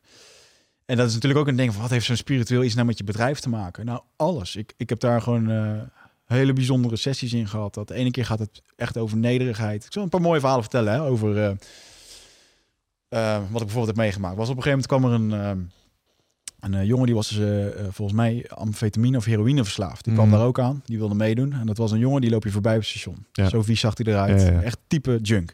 Lange haren, vies en eh, moeilijk te mengen met de rest. En ik had toen ook nog, dat was de eerste dag, was mijn oordeel van joh, eh, fuck, komt hij erbij? En zo iemand neemt ook een energie met zich mee, is Ja. niet relaxed. Dat voelen we aan als mensen. Mijn eh, vriendin destijds, die had ook zoiets van, oh nee, niet hij. En slechte energie, die voelde ze, ja, die was er ook een soort van gevoelig voor, weet je wel. Dat, Mhm. dat dan de sessie zou beïnvloeden. En dan merk ik op een gegeven moment, het was tien uur, die sessie begon. En om vijf voor tien was hij nog niet binnen. Ik denk, oh mooi, hij komt niet. Hij is toch, want ze was ook nog niet zeker of dat hij mee kon doen. Hmm. Ze wilde ook echt zeker weten dat hij niks had gedaan. Want als een gozer liegt dat hij wat heeft gedaan en hij doet dat, dan kan hij daar dood neervallen. Ja, en Eh, dat gaat de vibe zeker niet helpen. en ehm, nou goed, die shamanen hebben uiteindelijk toch eh, besloten van, joh, we gaan het doen. Ehm, en ze maken dus dan allerlei, eh, ja, dus ze doen ook wel, ze deden een soort van check. Ze hebben een gesprek met me gehad en dat soort graag ze kijken toch dwars door je heen. Ja. Weet je? Er zit een bepaald aura omheen wat, eh, ja, of tenminste er zit een bepaalde rust in die gasten, wat eh, iets magisch. En op een gegeven moment, ehm, vijf voor tien, komt hij alsnog, twee minuten voor tien, komt hij binnenlopen. En jij zat te balen natuurlijk. En ik dacht, kut. En mijn vriendin tikt me aan en ik denk, oh nee, nee, komt hij toch? En waar gaat hij zitten? Naast haar. Hmm. En ik had daarvoor een, gewoon een behoorlijke pittige sessie gehad. eh, over waar ik mijn eigen oordeel heb uitgekotst. Mhm. Op een gegeven moment merkte ik dat ik... ik zat de hele tijd te denken als die sessie begon. En iedereen zat mij een soort van aan te kijken, had ik het gevoel. En ik was aan het overgeven. En ik had heel erg het gevoel dat ik anderen aan het lastigvallen was. Mhm. En op een gegeven moment kreeg ik eigenlijk de boodschap dat, ehm, dat iedereen niet aan het kotsen was. Dat, het een hele rustige avond, dat ze een hele rustige avond kregen. En ik was de fitste van de groep. En ik kreeg die avond al opdracht om het oordeel uit te kotsen van iedereen in de groep. Mhm. Dus dat was zes uur lang achter elkaar heb ik daar boven mijn bak gehangen. Voor de rest. Voor de rest. Terwijl de rest een rustige sessie had. En dat was ook bijna... Met bijna jouw niemand. eh, geluid op de achtergrond. Fijn man. Dus dat was de eerste avond. Ik was al echt helemaal gesloopt. En het was een heftige sessie. En ja, zo raar kan het dan lopen. En dat... Maar het was een hele nederige les van, joh, je moet niet zomaar oordelen over mensen, weet je. wel. Mm. Ondanks dat ik dat zelf voor mijn gevoel niet doe, misschien toch deed. Ja. Maar goed, toen kwam hij dus weer aan. En ehm, ik eh, eh, ben toen vervolgens, ben ik meteen bij de open haard gaan zitten. Nadat die sessie begon, zit een soort open haard met vuur. Ik denk, mooi, eh, lekker bij het licht, warm, ben ik niet daar en heb ik geen last van. Maar ik maakte me zo ontzettend zorgen over mijn ex en over, want die zat daarmee en Mm. over hem en dat hij die sessie zou beïnvloeden. En eh, op een gegeven moment kreeg ik gewoon een hele mooie les van gozer. Maak je niet zo druk over anderen. Want op Mm. het moment als jij altijd 100% geeft, echt geven, hè? echt gewoon oprecht tegen iemand zegt van joh, hey, fijn dat je er bent. Want ik, die gozer kwam langs me zitten en ik gaf hem een hand. Zei, hey, goed dat je er bent. Deed ik niet omdat ik het meende. Deed ik Nee. puur voor een stukje zelf De vorm, ja. en ehm, ik zag op een gegeven moment gewoon visioenen dat op het moment als, ik de, als je de deur voor iemand openhoudt, hou je echt de deur open voor iemand. Omdat je hem echt eventjes van, joh, hey, dit eh, doe ik voor je, Mhm. kom, geen probleem. Of doe je het uit beleefdheid. Ja. En er was echt, soms komt het in zulke spreukvormen komt het binnen. Dat, eh, en dat- dit keer ook in het Engels om een of andere reden. Dat ehm, eh, a gentleman is polite, a warrior is friendly. Hm.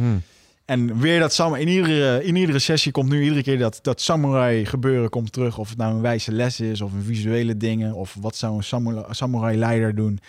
Het zijn zulke waardevolle lessen dat ik de, en ook gewoon met een collega, weet je, hey, wil je een kop koffie?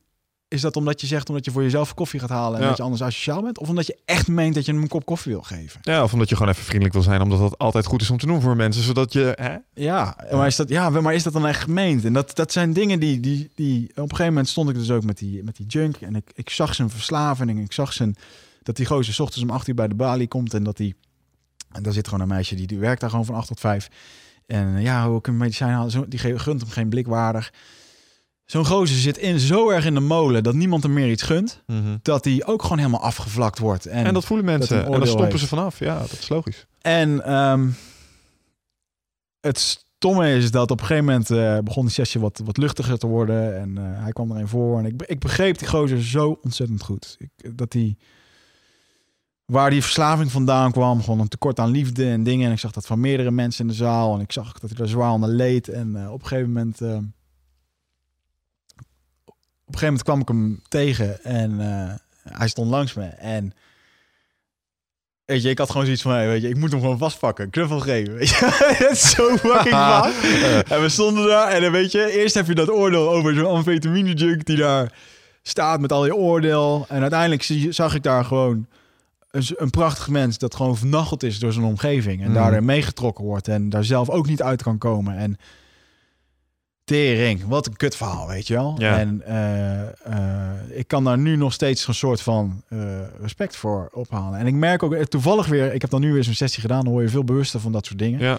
Gisteravond ging ik boodschappen doen, staat er een gozer kranten te verkopen. En ik sta in de winkel al te bedenken wat ik voor die gozer ga kopen. En ik heb gewoon wat, wat producten gekocht. Ik loop naar buiten en ik geef dat aan hem. En hij oh, een soort van verbaasd. Ja, dit? ja, dat snap ik. Leuk. En normaal zou ik dat nooit doen, weet je. Ja. Dan ben ik ook in de haast van, ja, dit en dat. Man, ik heb zelf niet eens een rode cent, weet je wel. In de zin van, het gaat nu wel wat beter en zo, maar...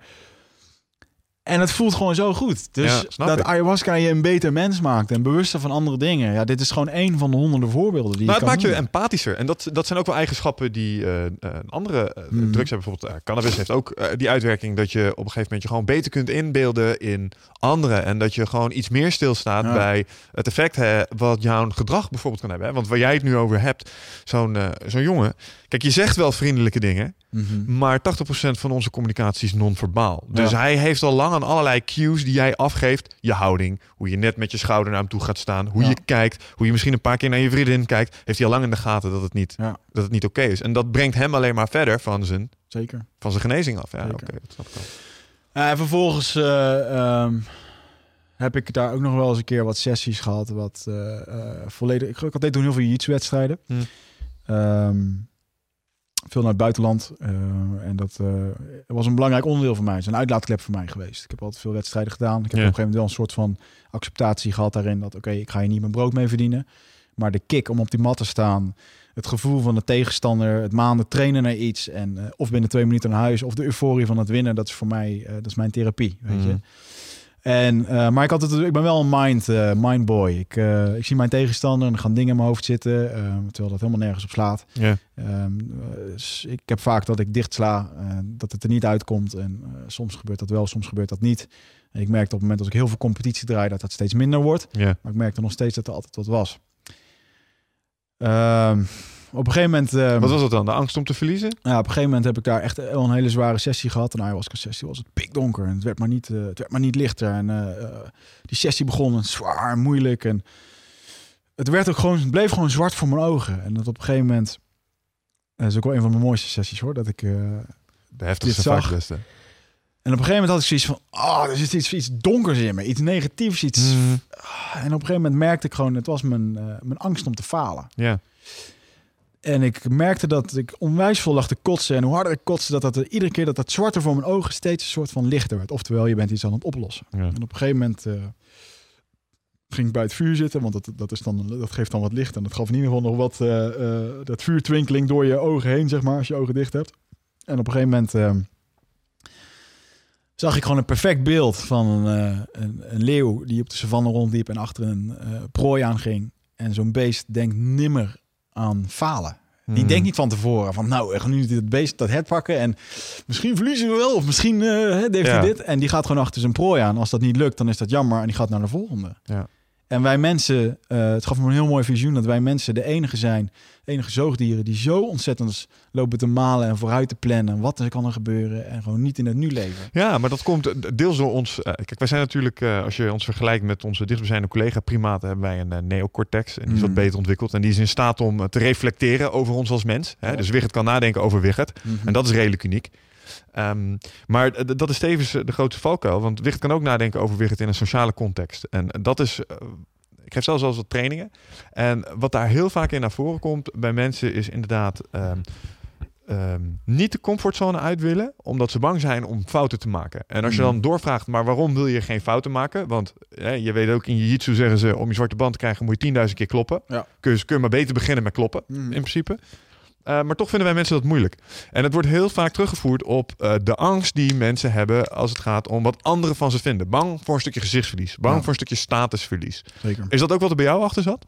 Zeker. De, uh, de druk vanuit vroeger, uh, de druk voor bewijzen. Uh, alles Mm. viel in één keer samen. Maar waar komt dit vandaan? Je bent zonder vader opgegroeid. Je bent altijd aan het vissen geweest naar complimenten, naar het Ja. beter doen. Ja. Daar zit een soort, dat is een drang die heb ik daardoor ontwikkeld.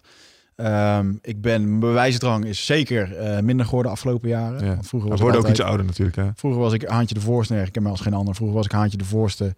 Um, en um, ik merk nu dat ik sinds dit aantal doe dat ik daar, uh, joh, ik, ik heb die bewijsdrang niet. Ik heb Ja. echt een. Uh, Maar is dat iets wat er door ayahuasca af is gegaan of sneller af is gegaan? Of heeft het ook te maken met het feit dat we gewoon iets ouder worden? Want ja, als ik 25-jarige Michel vergelijk met 35-jarige Mhm. Michel in het verkeer, beide, maar daar ben, zit wel een verschil in. maar ik ben absoluut een stukje uh, nederiger geworden door, uh, door ayahuasca. Oké, en, ja. uh, dat, dat, dat weet ik gewoon. En um, dat, dat komt gewoon over hoe ik over bepaalde manieren denk en ook dat vroeger niet deed. Ah, maar ik kan het ook wel plaatsen, want wat dat soort middelen mij gebracht hebben, is een, een breder perspectief. Mhm. dat stukje bescheidenheid waar jij het vaak over hebt, dat, dat herken ik heel erg. Met name het gevoel dat je, nou, je bent maar een kleine schakel in een veel groter geheel. Yep. En je hebt een verantwoordelijkheid om een zo positief mogelijke vibe uit te stralen, zodat alles om je heen ook zo positief mogelijk, uh, zeg maar, uh, zijn ding kan doen. Mm -hmm. Maar in principe ben je heel bijzonder en speciaal, ja. net als de rest. Ja, zeg maar. zeker. Je bent gewoon één van velen. En, en daar komt ook een bepaalde bescheidenheid uit voort. Dat is het stukje, stu- dat heeft ook weer te maken met dat ego. Hè? Dat wij allemaal denken dat het om ons draait. En Mhm. je zult merken dat op het moment als je zo'n sessie doet, uh, uh, wat over zo'n mooie wetenschappelijke onderbouwing is, dat, dat ze hersenactiviteit hebben gemeten Ja. met bijvoorbeeld een ayahuasca. Dat het stukje in je hersenen wat zorgt voor je ego, wat zorgt voor planning en logica en ook voor, dat is een bepaalde plek achterin, Ja. die, die wordt heel erg inactief. Ja. En um, de plek waarin jouw gevoelens zitten, die wordt in één keer, gaat in één keer meer bloed toevoegen naartoe. Ja. En jouw hersenen, die iedere keer als jij nu, als ik bijvoorbeeld deze fles water pak, dan geven een aantal netwerkjes, die krijgen een soort van stroomtoevoer. Mm. En uh, dat zijn, iedere, die zijn maar beperkt.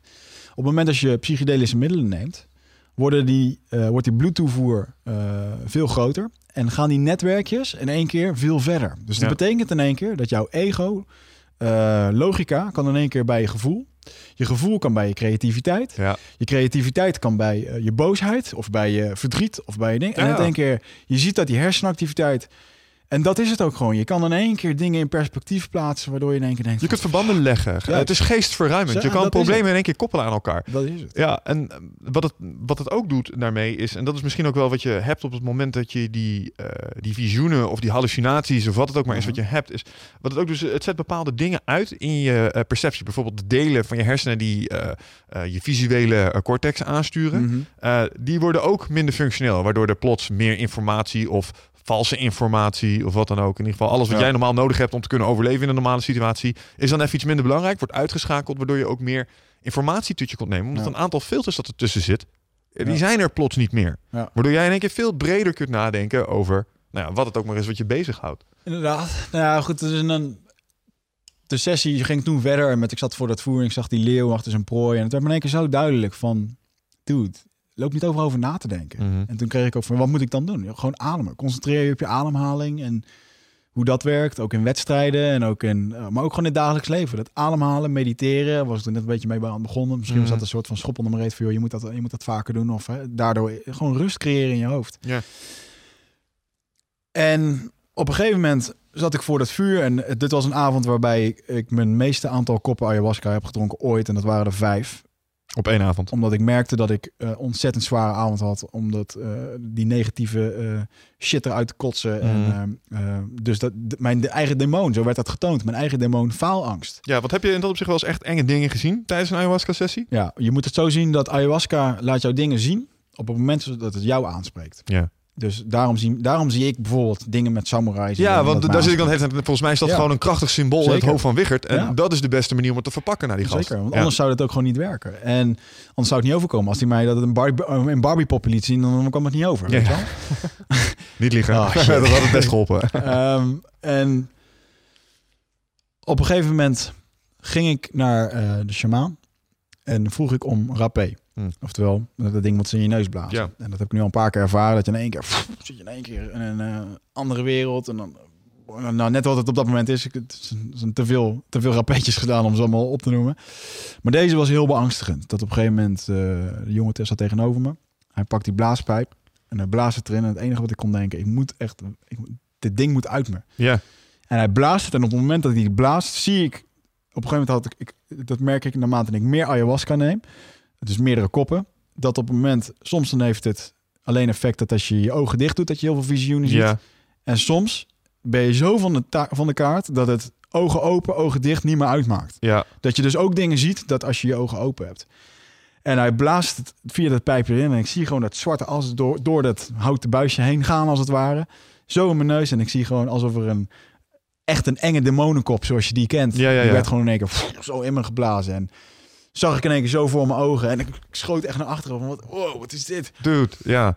En zo van, blaast hij dat nou gewoon in me? En dat, ja, dat is dus je, de demon die in jou zit. ja. En wat gebeurt er op zo'n moment in je hoofd? Denk je dan, holy fucking crap, er staat nu echt iets naast naast me? Of denk je van, Nou, ja, is de rap, nee, het het is, goed. ja, je, je merkt dus wel van oké, het wil me iets laten tonen. Het is niet een lijdensweg. Hè? Sommige mensen, ik heb wel eens gezien hoor, dat mensen daar echt aan het vechten zijn tegen dingen. Mm. Maar dat heeft dan heel erg te maken met ja, jouw persoonlijkheid. Of jouw, ik ben van mening dat ik me goed kan aanpassen, dat ik ehm, makkelijk mee kan gaan in slechte situaties, dat kan accepteren en ook openstaan om dat eh, te doen. Dus ik merk dat, dat ik, ja, tuurlijk, ik krijg ook vaak een flikker van zo'n ayahuasca, maar ik sta er wel voor open en daarom ben ik ook niet bang om dat soort dingen te zien. Maar op dat moment was ik wel zoiets van, wow, dit is de meest frightening Ja. shit die ik nu heb gezien. Dat snap ik. Maar je kunt, nog steeds, je kunt het nog steeds wel terug relativeren aan het feit dat je weet dat het waarschijnlijk de ayahuasca is. Ja, Dat ja, is- ja, zeker. Nou, hij blaast dat erin. Ik zie dat ding en ik moest meteen kotsen. En je, ofwel, je kotst dat er dan dus ook meteen Mm. uit. Dat is het idee. Ik ging weer naar het vuur en op een gegeven moment...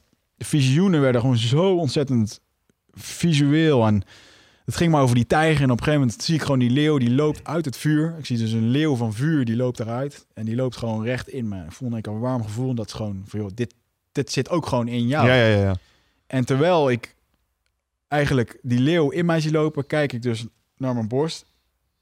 En ik kijk naar mijn, naar mijn poot. Of ja, naar mijn hand. ja. Wat dus gewoon een leeuwpoot was. Oh, fuck. Ja. En ik zweer het je, zo super echt, dat ik op een gegeven moment, ik pak mijn hand op en je bent er nog wel bewust van, wow, wow, dit is een, een leeuwpoot, what the fuck? ja. Dat ik echt letterlijk met mijn vinger door die haartjes op die poot heen wreef. En dat ik echt dacht van, wow.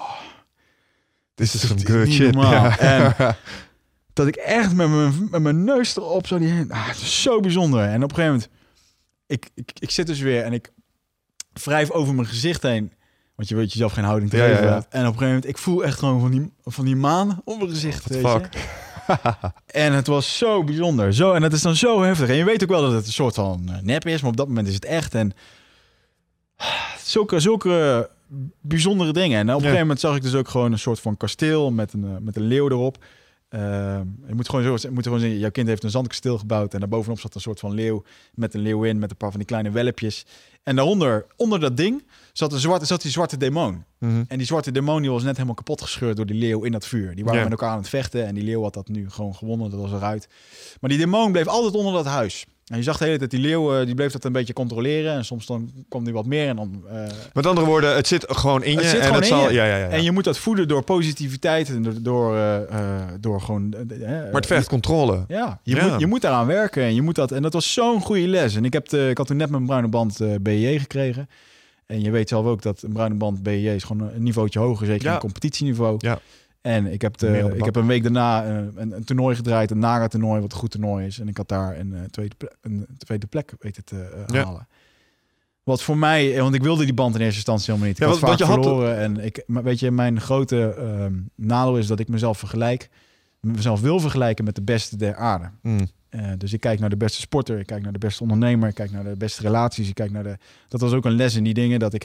Ik heb zo'n oordeel over hoe dingen moeten zijn. Ja, je lat ligt hoog. Dat En is waar. Maar dat is aan de ene kant ook wel goed, vind ik. Want, Ja. dat- want het zorgt er wel voor dat we, hè, als we kijken naar hoe we het met Nutrifit doen, het zorgt er wel voor dat het nooit goed genoeg is. In de zin van eh, betere producten, betere service, betere dingen Klopt. voor elkaar krijgen. Het gewoon echt goed willen doen. Absoluut. En ik ben blij over dat we drie maanden lopen te pielen over een labeltje. Wat we Ja. in twee dagen al kunnen De, afvragen. de Ja. intro van de Eindbazen podcast. Jezus, sorry Brian, nog steeds. Weet je, ik bedoel, we zijn in dat op zich gewoon een soort van perfectionisten. Mhm. En ik, ik weet niet of dat heel erg is dat je op die manier ehm, eh, je lat hoog legt. eh, en dat je jezelf ermee vergelijkt. Maar op het moment dat het tegen je begint te werken, omdat je begint te frustreren over het feit dat je niet aan die zelf opgelegde norm voldoet, Mhm. dan is het niet langer een wortel waar je achteraan gaat, dan is het een zelf opgelegde beperking. Yep.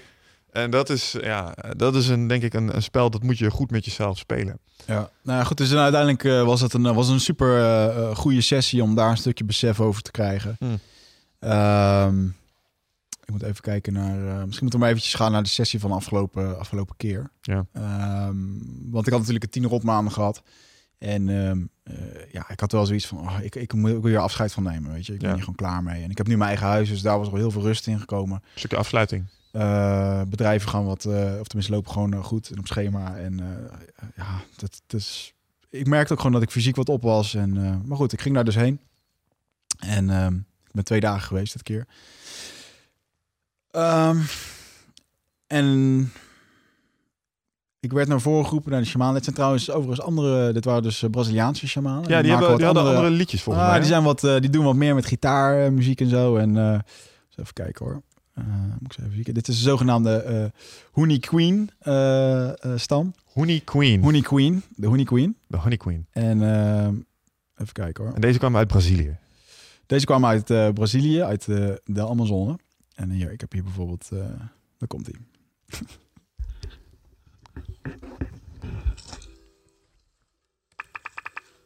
Hoor je dit goed zo? Ja, ja, ik hoor het. Ik moet hem even wat harder... eh, Techneut. Mariachi. Ja, het is wat, eh, het is wat vo- vocaler en wat.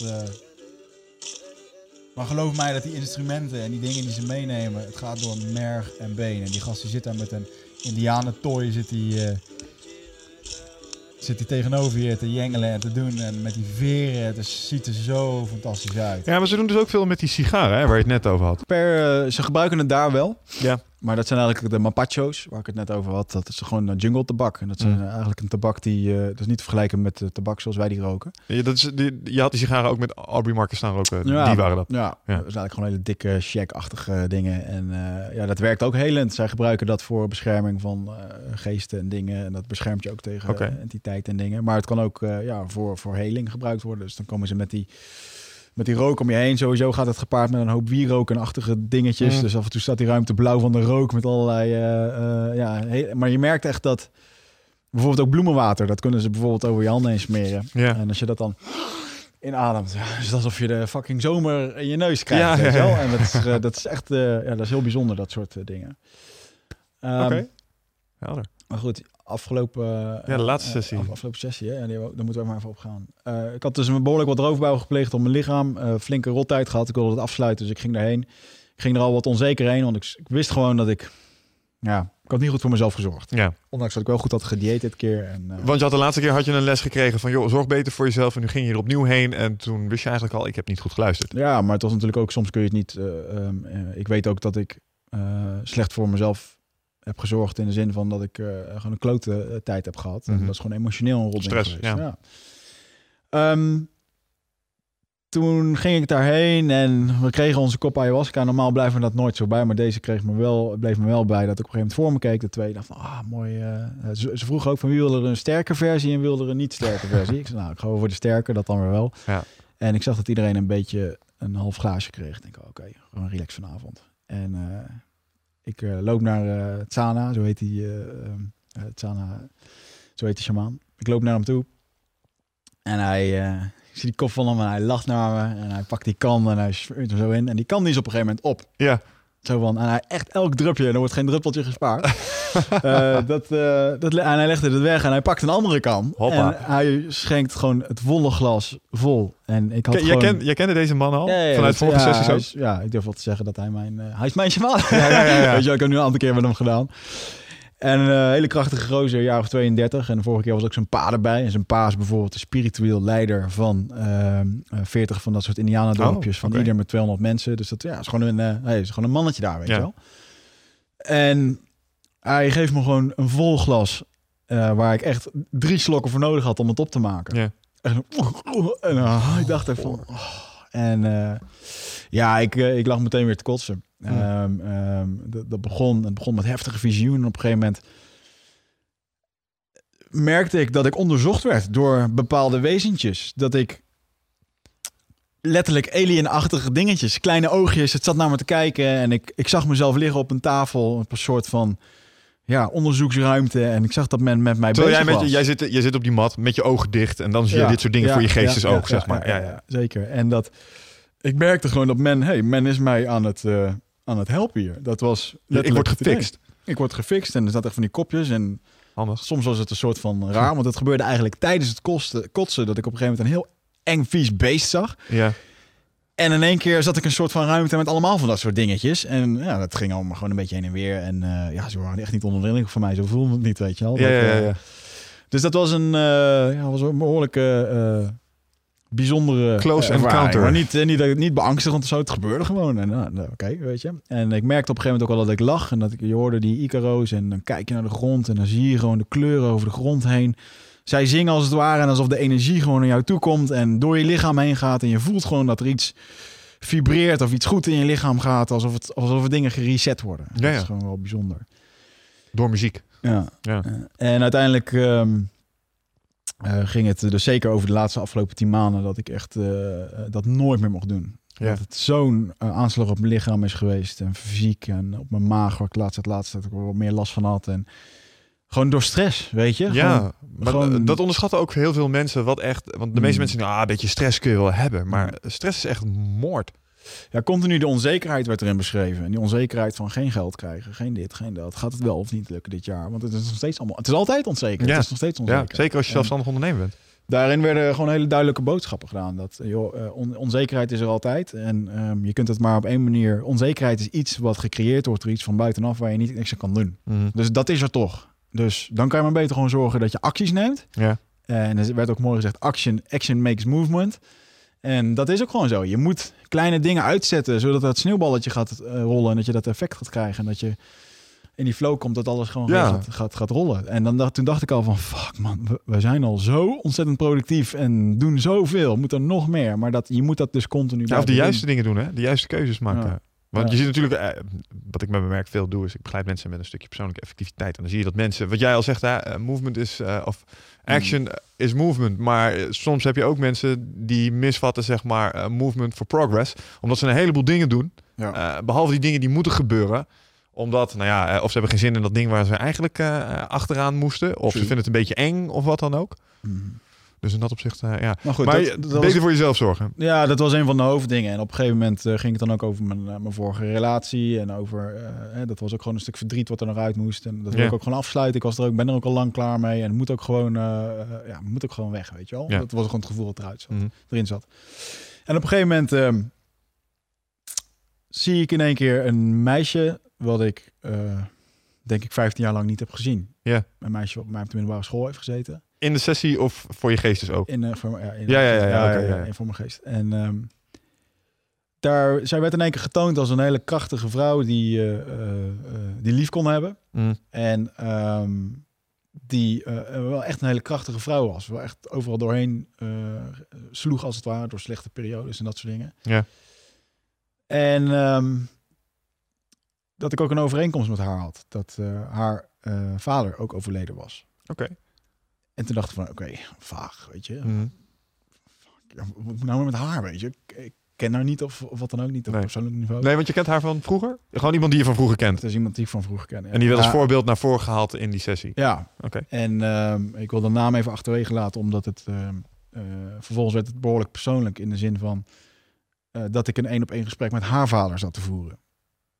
En dat heeft echt wel zo'n diepe indruk gemaakt dat ehm, ik ook ontzettend goed begrijp dat je ontzettend in iemand zijn personal space gaat komen als je nu gaat zeggen van hé, we hebben elkaar 15 jaar lang niet gezien, maar eh, Ik heb met je overleden vader zitten ik heb kletsen. een drankje gedronken ben op Indiana en vervolgens dat ik met je vader te kletsen. Eh, is niet de beste Dat is binnenkomen. niet de beste binnenkomer. En ehm, Want jij kreeg daar wel het gevoel bij dat jij daar iets mee moest of iets dergelijks. ik zou het graag aan willen vertellen. Want eh, Ja, ja, ja. ik heb eh, met die vader over haar zitten kletsen en over hoe zij in bepaalde dingen in het leven staat en wat ze, ehm, Ja, wat ze beter kan doen. Hoe ja ik probeer me dat gesprek inderdaad voor te stellen. Ja. Dat je Ja, iemand dus- aankomt van, eh, of op Facebook, een hallo. Ja, misschien was het een, eh, misschien was het, ehm, het was gewoon een, voor haar zal het algemeen zijn, weet je wel. Want Ik heb gewoon met haar vader gesproken en niet tot in super details, maar gewoon eh, bepaalde dingen. En ik ga niet vertellen wat, want ik, ja, dat is gewoon even een persoonlijk ding. Ik moet zelf nog even een weg gaan vinden over hoe ik dit wel of misschien Hoe je dit niet, integreert. Ja, precies. hoe ik niet baar ga vertellen. Ehm, want dat, dat gaf mij een beetje een vraagstuk. Zo van, wat doe je hiermee? Ja. Ehm, en uiteindelijk, eh, ehm, nou goed, ging dat nog weer even terug. De hele avond ben ik eigenlijk eh, van die onzekerheid afgekomen. Eh, of tenminste, dat heb ik uitgekost. En dat, Hmm. die ellende van de afgelopen tien maanden met de boodschap van... joh, doe dit nooit meer. Je gaat nu gewoon rusten. En je, gaat, je, moet, je moet echt helemaal kapot. En ik voelde ook, mijn lichaam was zo kapot. En ik heb zo erg lopen kotsen.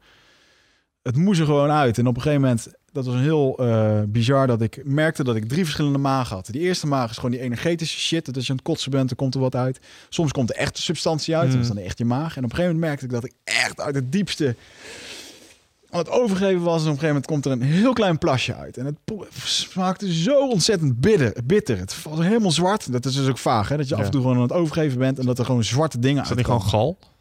Zwart? Ja, het is niet, Ja, ik weet niet hoe het eruit uit. ziet, maar volgens mij is dat ook uh, galzwart, zeggen Maar goed, dat, ja, leuk als het gal is, maar op dat moment voelt het niet alsof het gal is. Snap ik. Echt zo'n vieze, bittere nasmaak. Dat, en dacht, wat is dit? En werd echt gewoon gezegd van, joh, dit is gewoon jouw lichaamsap. Dit is gewoon uit jouw ziel.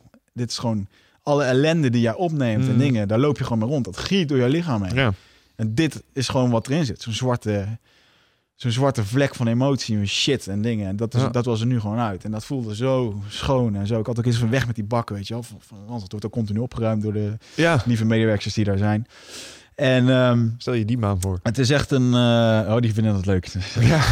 Ehm, maar in ieder geval, eh, dat was de, de, de eerste sessie. En het, eh, goed, de dag daarna eh, had ik wederom weer een sessie waarbij... eh, ging het voornamelijk over mijn werk. Want dat was een ding waar ik een beetje mee zat met sommige dingen. Ja, en dan is het toch mooi dat je met eh, een hoger iemand, eh, wat helemaal niet voelt als een veel groter iemand, maar gewoon kan praten over eh, je prijsbeleid, je marketing. je Is het echt zo operationeel, ja? Ja, ja, ja. Ja, goed, je weet zelf op een gegeven moment voor Nutrifit hoe ik Ja. eh, daar geraakt ben. En heel de, de visie en het logo van Nutrifit moest aangepast worden. Ik ben blij dat je me daar toen ook de vrije hand in hebt gegeven. Ja, dat is wat ik bedoelde. In dat opzicht zijn we wel een goed team. ja. Ik bedoel, ja. Nou, goed, ik ben daar. Ben maar ik zag dat het wat het met je deed qua energie en qua motivatie. Mhm. En er zat een bepaalde vastberadenheid achter. waar ik dacht van, ach weet je, als je het op die manier weet te brengen, let's go with it. Waarom ook niet? Want het voelde goed. Snap je? Absoluut. Nou goed, en vervolgens kwam er nog een heel eh, ehm, dankbaar eh, ten opzichte van die onzekerheid kwam een heel dankbaar. Ik voel me zo onzeker in het begin ook. Het was heel bizar. Ik zag een soort gebroken spiegel en ik zag mezelf in mijn meest kwetsbare vorm. Het was echt beangstigend. En toen ging het dus weer erom om die over joh, gewoon acties doen. Hè. Maak zorg dat je acties maakt om uh, daar om dat balletje rollende te houden. Mm. En toen zag ik in één keer een onwijs dankbaar moment voor een hele hoop mensen die me het afgelopen half jaar hebben geholpen. Dan ga ik even snel doorheen. Uh, dat was jij, dat, en hoe we elkaar kunnen aanvuren. Dat als we elkaar samen lopen bellen, dat ik gewoon energie heb om, uh, om weer wat te gaan doen. Weet je, dat we elkaar laat aansteken. Ja. en ik zag Nutrofit als een grote machine waar ik klap op gaf van, well, fuck, we gaan het nog drie keer harder doen, weet je. Nog yep. harder. Ja, we gaan het nog drie keer harder doen. Al meer gas. Uh, bijvoorbeeld onze laatste gast, Leon van der Zanden, die wat in de afgelopen half jaar voor mij een goede vriend is geworden en die ik onwijs waardeer vanwege zijn goede persoonlijkheid. Mooi mens, uh, ja. Wat hij doet, mooi mens. Uh, uh, dat ik een soort jaloezie had over wat hij nu heeft met zijn vrouwtje en het kindje. Hij is gisteren heeft, heeft wel zijn kind gekregen. Ah, gefeliciteerd Ik daar een, een ontzettende jaloezie over op een goede manier. Dat ik dacht van fuck, dat wil ik ook, weet je. En Ja. dat, ehm, maar gewoon, ja, dankbaar dat hij er is. En voor de persoon die hij is. Nou, eh, Dennis, wat, eh, een vriend van me die me naar Amerika had gehaald. Dat Ja. verhaal met Aubrey, Aubrey Marcus zelf. eh, die voor mij ja, zoveel heeft gedaan. Hij weet het zelf niet eens. En hij zal dat misschien ook niet uit eh, willen eh, erkennen, zeg maar. Dat doet Mm. ook helemaal niet. Maar eh, ik ben hem gewoon daar heel erg dankbaar voor. En ik ja, vind nou, het- ik vind dat, dat stukje met name vind ik, eh, vind ik nog steeds zo een van die interessante eigenschappen die ayahuasca jou echt heeft gebracht. Op een gegeven moment, wat je zelf ook heel mooi zei, het was iemand waarvan ik weet dat je eh, best wel op een voetstuk had staan. Mhm. En eh, mede door ayahuasca inderdaad die proactiviteit waar je het net over had, acties, ja. zorgen voor vooruitgang, zeg maar. Dus door dingen echt te gaan doen, Mhm. ben je een soort auteur geworden van je eigen leven. Ik bedoel, je- op een gegeven moment hebben we zelf het heft in handen genomen en gezegd, dit is hoe we het gaan doen. We gaan nu vanaf nu zelf bepalen, niet meer reageren, we gaan bepalen. ja. En dat is Zeker. echt een van de belangrijkste gedachten eigen, ja, de gedachtegoederen die ik jou daarmee uit heb zien meenemen. Mhm. Van je bepaalt het zelf. Ja. En als je gaat blijven zitten wachten, gaat het zeker niet gebeuren. Maar op Oh, het moment dat jij bepaalt, het is daar waar ik heen wil. En dit zijn de logische stappen om daar te komen. En je gaat het doen. nou, dan ga je alsnog wel een paar fouten maken. Mhm. En je gaat in je bek, maar dat is nodig. Dat Ja. hoort bij die weg daar naartoe. Maar uiteindelijk zorgt het er wel voor dat je op plekken komt en dat je dingen gaat doen die anders voor eeuwig buiten je comfortzone hadden gelegen. Eens. Ja, ja, ja. Nou, dus daarom weet je, dus dat, was hartstikke goed. En een hele belangrijke voor mij was Michael Pilarczyk. Ja, Die zag ik op een gegeven moment toen ik voor het haardvuur zag. in Een groot vuur. En eh, Michael is iemand die eh, ehm, ook echt de diepe dalen heeft eh, geweten van Ja, het maar leg het nog heel even uit, want hij doet tegenwoordig... Hij was altijd bekend als... Hij was DJ, ondernemer en eh radio, discjockey, Mm. VJ. En op een gegeven moment is hij eh, voor zichzelf begonnen met allerlei mediabedrijven. En eh, ook een paar keer failliet gegaan. En eh, ja, gewoon echt ook op het randje gestaan van... joh, ik wil ermee kappen. Gewoon niet meer leven. En eh, die heeft op een gegeven moment zichzelf helemaal teruggevonden. Ook door middel van een, een, me- een mentor vinden. Ja. En op een gegeven moment, eh, de mentor die hij heeft, Dan Peña, daar wilde ik ook heen. Maar die meneer Ja. kost 10.000 euro voor vijf dagen. Dat is niet goedkoop. Dat vond ik heel veel. En eh, toen heb ik eh, zijn boek eh, stiekem gedownload van boef. Dan Peña. en terwijl ik dat ochtends zat te lezen, zie ik smiddags in één keer een artikel van, van Michael voorbij komen. In de intermediair, waarin hij vertelt over dat hij met zijn laatste geld naar die Dan Peña is geweest. En dat het vanaf dat moment weer, weer goed is gegaan. Oké. Ik heb dat artikel niet eens afgelezen. Ik heb hem gemaild van, joh Michael, zouden wij wat kunnen doen? Ik wist ook helemaal niet dat hij met coaching bezig was. En Ja. Hij is dus ook, hij coacht dus mensen. En ik had ook geen rode cent. Ehm, ik heb zelfs aan het einde gezegd van, joh, ik wil bij je een, een, dag met je kletsen en doen en eh, eh, kijken hoe we dit kunnen oplossen. Maar kan het niet betalen. Mag het in, in, in, de- in delen? Ik bedoel, Mhm. en hij, het hoeft voor hem niet meer, snap je? Ja. En het feit dat hij toen gewoon zei van oké, weet je, eh, betaal niet gewoon de helft en je doet dan weer. Dus eh, voor alle mensen, ik heb wel gewoon betaald. Ik heb niet, geen, niet hoeven betalen. Klaploper. Ik vond het wel, ehm, ik waardeerde het onwijs dat, het- dat hij mij de kans gaf om, om toch Ja, wat want te hij had doen. ook gewoon kunnen zeggen: nee, zo niet maar Ja. op, eh, klaploper. Precies. Ja. En dus, maar vanaf, vanaf dat moment is mijn leven zoveel duidelijker geworden. Ik weet Ja. nu precies wat ik over 20 jaar wil, waar ik wil staan, hoeveel ik ervoor nodig heb, wie ik daarvoor nodig heb, wat we daarvoor moeten doen. En oké, dat kan veranderen, maar ik weet nu dat elke beslissing die ik nu maak, die heeft te maken met wat ik dan wil. momentum. Je moet echt momentum gaan genereren door gewoon te bepalen waar je heen wil en die kant op Ja. te gaan bewegen. En het grappige is, dan gaat de rest ook meebewegen. Je merkt het gewoon. En dat is echt een, eh, een goud dingetje wat ik, ja, wat ik onwijs in waardeer. En ik, ik, ik zag op een gegeven moment ook gewoon de pijn die hij heeft doorgemaakt. En dat was heel bijzonder. En ik gaf daar, wat, wat erin werd gezegd, was dat hij heeft zo ontzettend veel pijn gehad. Maar hij heeft nog wel nu de motivatie om continu te kunnen geven. En dat is Mm. iets wat heel bijzonder is. Dat op het moment dat je door zo'n dal bent gegaan, om dat nog steeds in te hebben. En daar was hij gewoon een perfect voorbeeld van. Ja. Ehm, een ander voorbeeld waren een aantal jongens, bijvoorbeeld een vriend van mij, Rocky, die heeft me goed geholpen afgelopen tijd. Ik kom bijvoorbeeld mijn spullen bij hem kwijt Mm. en eh, dat soort dingen. En eh, Ja, er zijn nog wel wat andere zaakrelaties die voorbij zijn gekomen. Uh, dat was allemaal eigenlijk wel uh, goed. Ja, maar wat er mooi aan is, is dat je het... Um, want een boel mensen nemen dat soort dingen aan als een soort van zelfsprekendheid. Mm -hmm. uh, en wat ik dan mooi vind aan zo'n nou ja, substantie... is dat het je dan blijkbaar af en toe daar ook even bij stil laat staan. Zeker. En dat het je gewoon op je hart drukt dat je... nou ja, dat je het niet in je eentje kan. En dat je mensen om je heen nodig hebt om... Zeker. Dingen te organiseren. Ja. Een, van de, een van de dingen die ik daar zelf bij kan plaatsen is dat um, ik vertelde over uh, een van die ervaringen met truffels. En um, dat was een, uh, een lang gesprek en een lange wandeling. En bij het terugkomen op een gegeven moment van waar we vertrokken waren, waren ook een boel van onze vrienden. Mm -hmm. En um, wat ik daar heel duidelijk eh, aan overhield, is op een gegeven moment kom je daar tussen die gasten en ze van, hey, waar waren jullie? En uh, alles goed met jullie? Een bepaalde bezorgdheid. Mm -hmm. En je ziet ook mensen die al jaren met je meegaan. En die jou ook al jaren, zeg maar, hebben meegemaakt. En je, op een gegeven moment kwam door mij, viel een kwartje zo van, joh, deze mensen hebben echt invloed gehad op wie ik als persoon ben geworden. Mm -hmm. Door de dingen die ze me vertelden, door de feedback die ze me hebben gegeven, maar ook door wie ze zijn en hoe ze tegen het leven aankijken. En dat deed mij weer heel erg denken aan uh, wat jij ooit eens een keer zei van, joh, je bent het gemiddelde van de zeven mensen waar je het meest mee omgaat om yep. je heen. En dat dat zo sterk bepalend is voor waar je uiteindelijk terecht gaat komen. Ja. En uh, op dat moment had ik ook echt een soort, ja, wat jij al zei, dat, dat vind ik mooi aan, een soort dankbaarheid en een soort bescheidenheid zo van, ja jongens, zonder jullie was dit gewoon niet gelukt. Ja, dit is zeker een dankbaar, gewoon een hele dankbaar. Uh, je wordt er ook dankbaar van. En ja. uh, je gaat er in één keer dingen van zien die je anders niet had gezien. Um, om even het af te sluiten waar het verder over ging. Uh, goed, op een gegeven moment ging het dan natuurlijk gewoon over mijn bedrijven en over gewoon dat ik echt ook lichamelijk oppas, dat ik daar wat meer aan moet doen. Um, mijn relatie was een ding. Daar, uh, tuurlijk, ik was, ik, ik, ik, ik, was daar boos over, een bepaald gemis. En um, ja, ik heb, nou ja, goed, misschien moet ik daar niet te veel in gaan over details, zeg maar. Want dat, het gesprek moet ik nog een keertje gaan hebben. Ja. Nog een keertje definitief even met mijn ex van, joh... dit, maar laten we volstaan met zeggen dat het je heeft geholpen met het afronden van wat ja, er nog af weet je, ik, ik, heb dat gesprek voor me gezien over hoe we dat gaan hebben. Ik mm. weet wat ik wil zeggen, waar ik voor sta en, en hoe en wat. En dat is even verder niet in, in, details belangrijk. Nee. Maar dat geeft ook heel veel rust. Zo van, en dan, dan kan ik daarmee verder. En uh, mm. uh, ik, zag, uh, ik zag het gemis, zeg maar, wat ik nu mis. Yeah. En waar ik naartoe wil en wat ik, wat, ik, wat, ik weer nodig heb voor de toekomst. En dat is een hele fijne gedachte. En ja, goed, daar, um, ja, daar moet ik nog eventjes mijn weg in gaan vinden. Ja. Zeg maar. Het heeft ja. nog even nodig om te landen en allemaal te Ja, te integreren. Want ik kan me inderdaad wel voorstellen dat sommige van de lessen die je zeg maar bijgebracht krijgt in zo'n sessie, mm. of in ieder geval de dingen die naar boven komen borrelen in je, in je hoofd, dat die ook nog wel wat tijd kosten om die een plekje te geven. Op, zeker. op sommige momenten. En zeker als je zoiets als dit, hè, want een beetje in, in afsluitende modus, op het moment als je je afvraagt van, joh, spiritualiteit, is er iets anders, een andere wereld? Mm. Ja, ik garandeer je dat als je een kopje ayahuasca neemt en een shot rapé, dat hij een achtbaan in het universum krijgt. En uh, dat je alle liefde en oneindige tijd en uh, dingen die je niet kan bedenken, ja. die ga je daar tegenkomen. Ja, en dat is ook wat zeg maar voor mij de fascinatie was toen we DMT zeg maar tegenkwamen. Want mm. ja, wij zijn dat op een gegeven moment is dat in ons leven gekomen. En wat mij er altijd aan fascineerde is dat het uh, antwoorden of in ieder geval een stukje zekerheid of in ieder geval een issue lijkt te adresseren waar we allemaal mee lopen. Yes. en dat is het feit dat we een beperkt aantal minuten hebben op deze planeet. En we weten geen van allen echt wat er nou straks gaat gebeuren. Ja.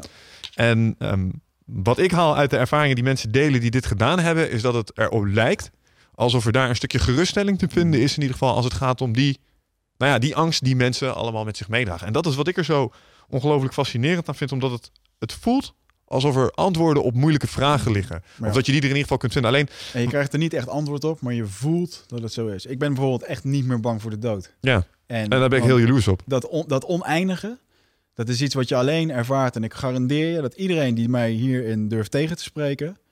Uh, doe die ayahuasca. Ja. Of doe uh, rook DMT of wat dan ook. En je gegarandeerd, je gaat niet meer dezelfde mening hebben. Mm -hmm. En dat is zo ontzettend veel waard. Uh, en ook hebben andere, hè, bijvoorbeeld een vriendin van mij die haar vader is overleden.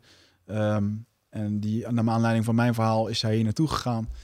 En zij heeft eenzelfde ervaring gehad. En voor haar, zij heeft gezegd van oké, okay, ik heb dit nu gedaan. Ik vond het, uh, het heel waardevol geweest. Maar ayahuasca mm. is niet per se voor mij. Het is ook nog niet voor iedereen. Hè? Je moet daar je eigen weg in vinden.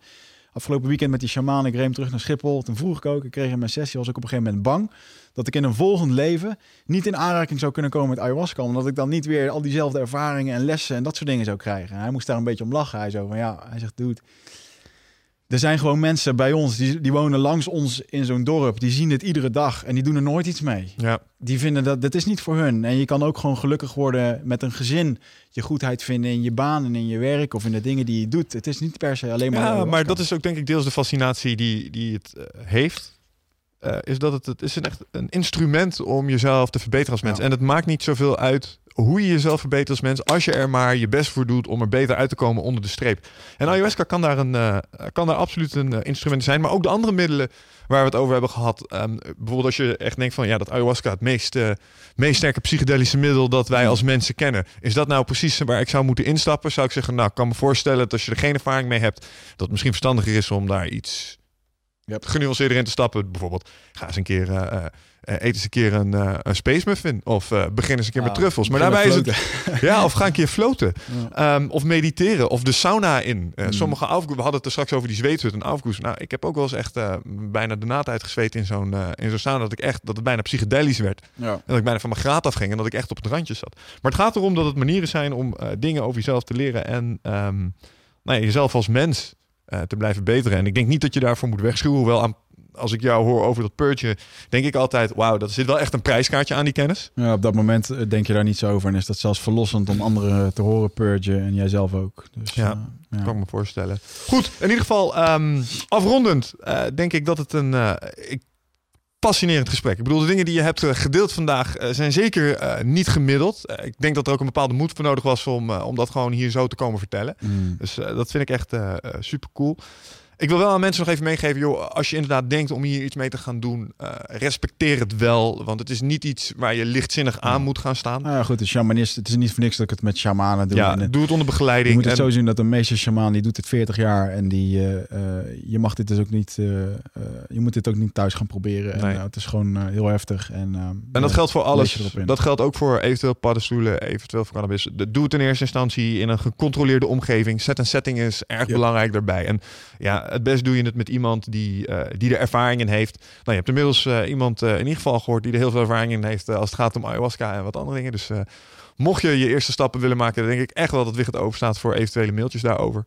Dus succes inbox. Oh, Oké, okay, nou ja, laat me komen. Ja, nou, nou ja, goed. Ik denk wel dat het, dat het een idee is om mensen die daar nieuwsgierig over zijn, in ieder geval nog wat wat antwoorden over. Weet je, er zijn wat andere dingen op mijn pad gekomen waardoor ik uh, me wat meer bezig gehouden met het, uh, het onderwijzen in dit verhaal. Uh, ja. Daar kan ik nog niet te veel over vertellen, omdat het toch een project is wat. wat Ah, ik wou net zeggen, het, het sluit kan, wel aan bij de einddoelen die je voor ogen hebt. Precies, dus, kan wat, maar mijn, een van mijn de dingen die het mij op een pad heeft gezet is om, ja, weet je, we zijn hier gewoon met z'n allen. Een van de grote wijze levenslessen die ik heb gekregen in de vraag van waarvoor zijn we nou met z'n allen hier, was gewoon puur van joh, we moeten er gewoon het beste van maken. En ja. dat, dat heeft vooral te maken met elkaar onderwijzen, goed zijn voor elkaar. En, uh, ja. ja. Maar is dat ook niet waarom we hier uh, in zo'n studio zitten met z'n allen? En uh, eigenlijk zijn dat ook de kernwoorden van Nutrofit. Het leadership, jezelf um, een schop onder je reet geven, persoonlijk leiderschap, jezelf dingen creëren wijsheid. Nou, die wijsheid, wisdom, dat, dat, refereren wij naar de oude wijsheid die je in dit soort dingen kan krijgen. De wijze lessen die uit het shamanisme komen van de Amazone. En goodness, wat zijn de producten die we verkopen? Hè? Zorg dat je goed voor je lichaam zorgt dat je goed eet. Uh, en daar, als voor de mensen die zich afvragen waar komt dit vandaan, deze uh, quote die kwam uit space, zeg maar. Uh, dus, ja, goed.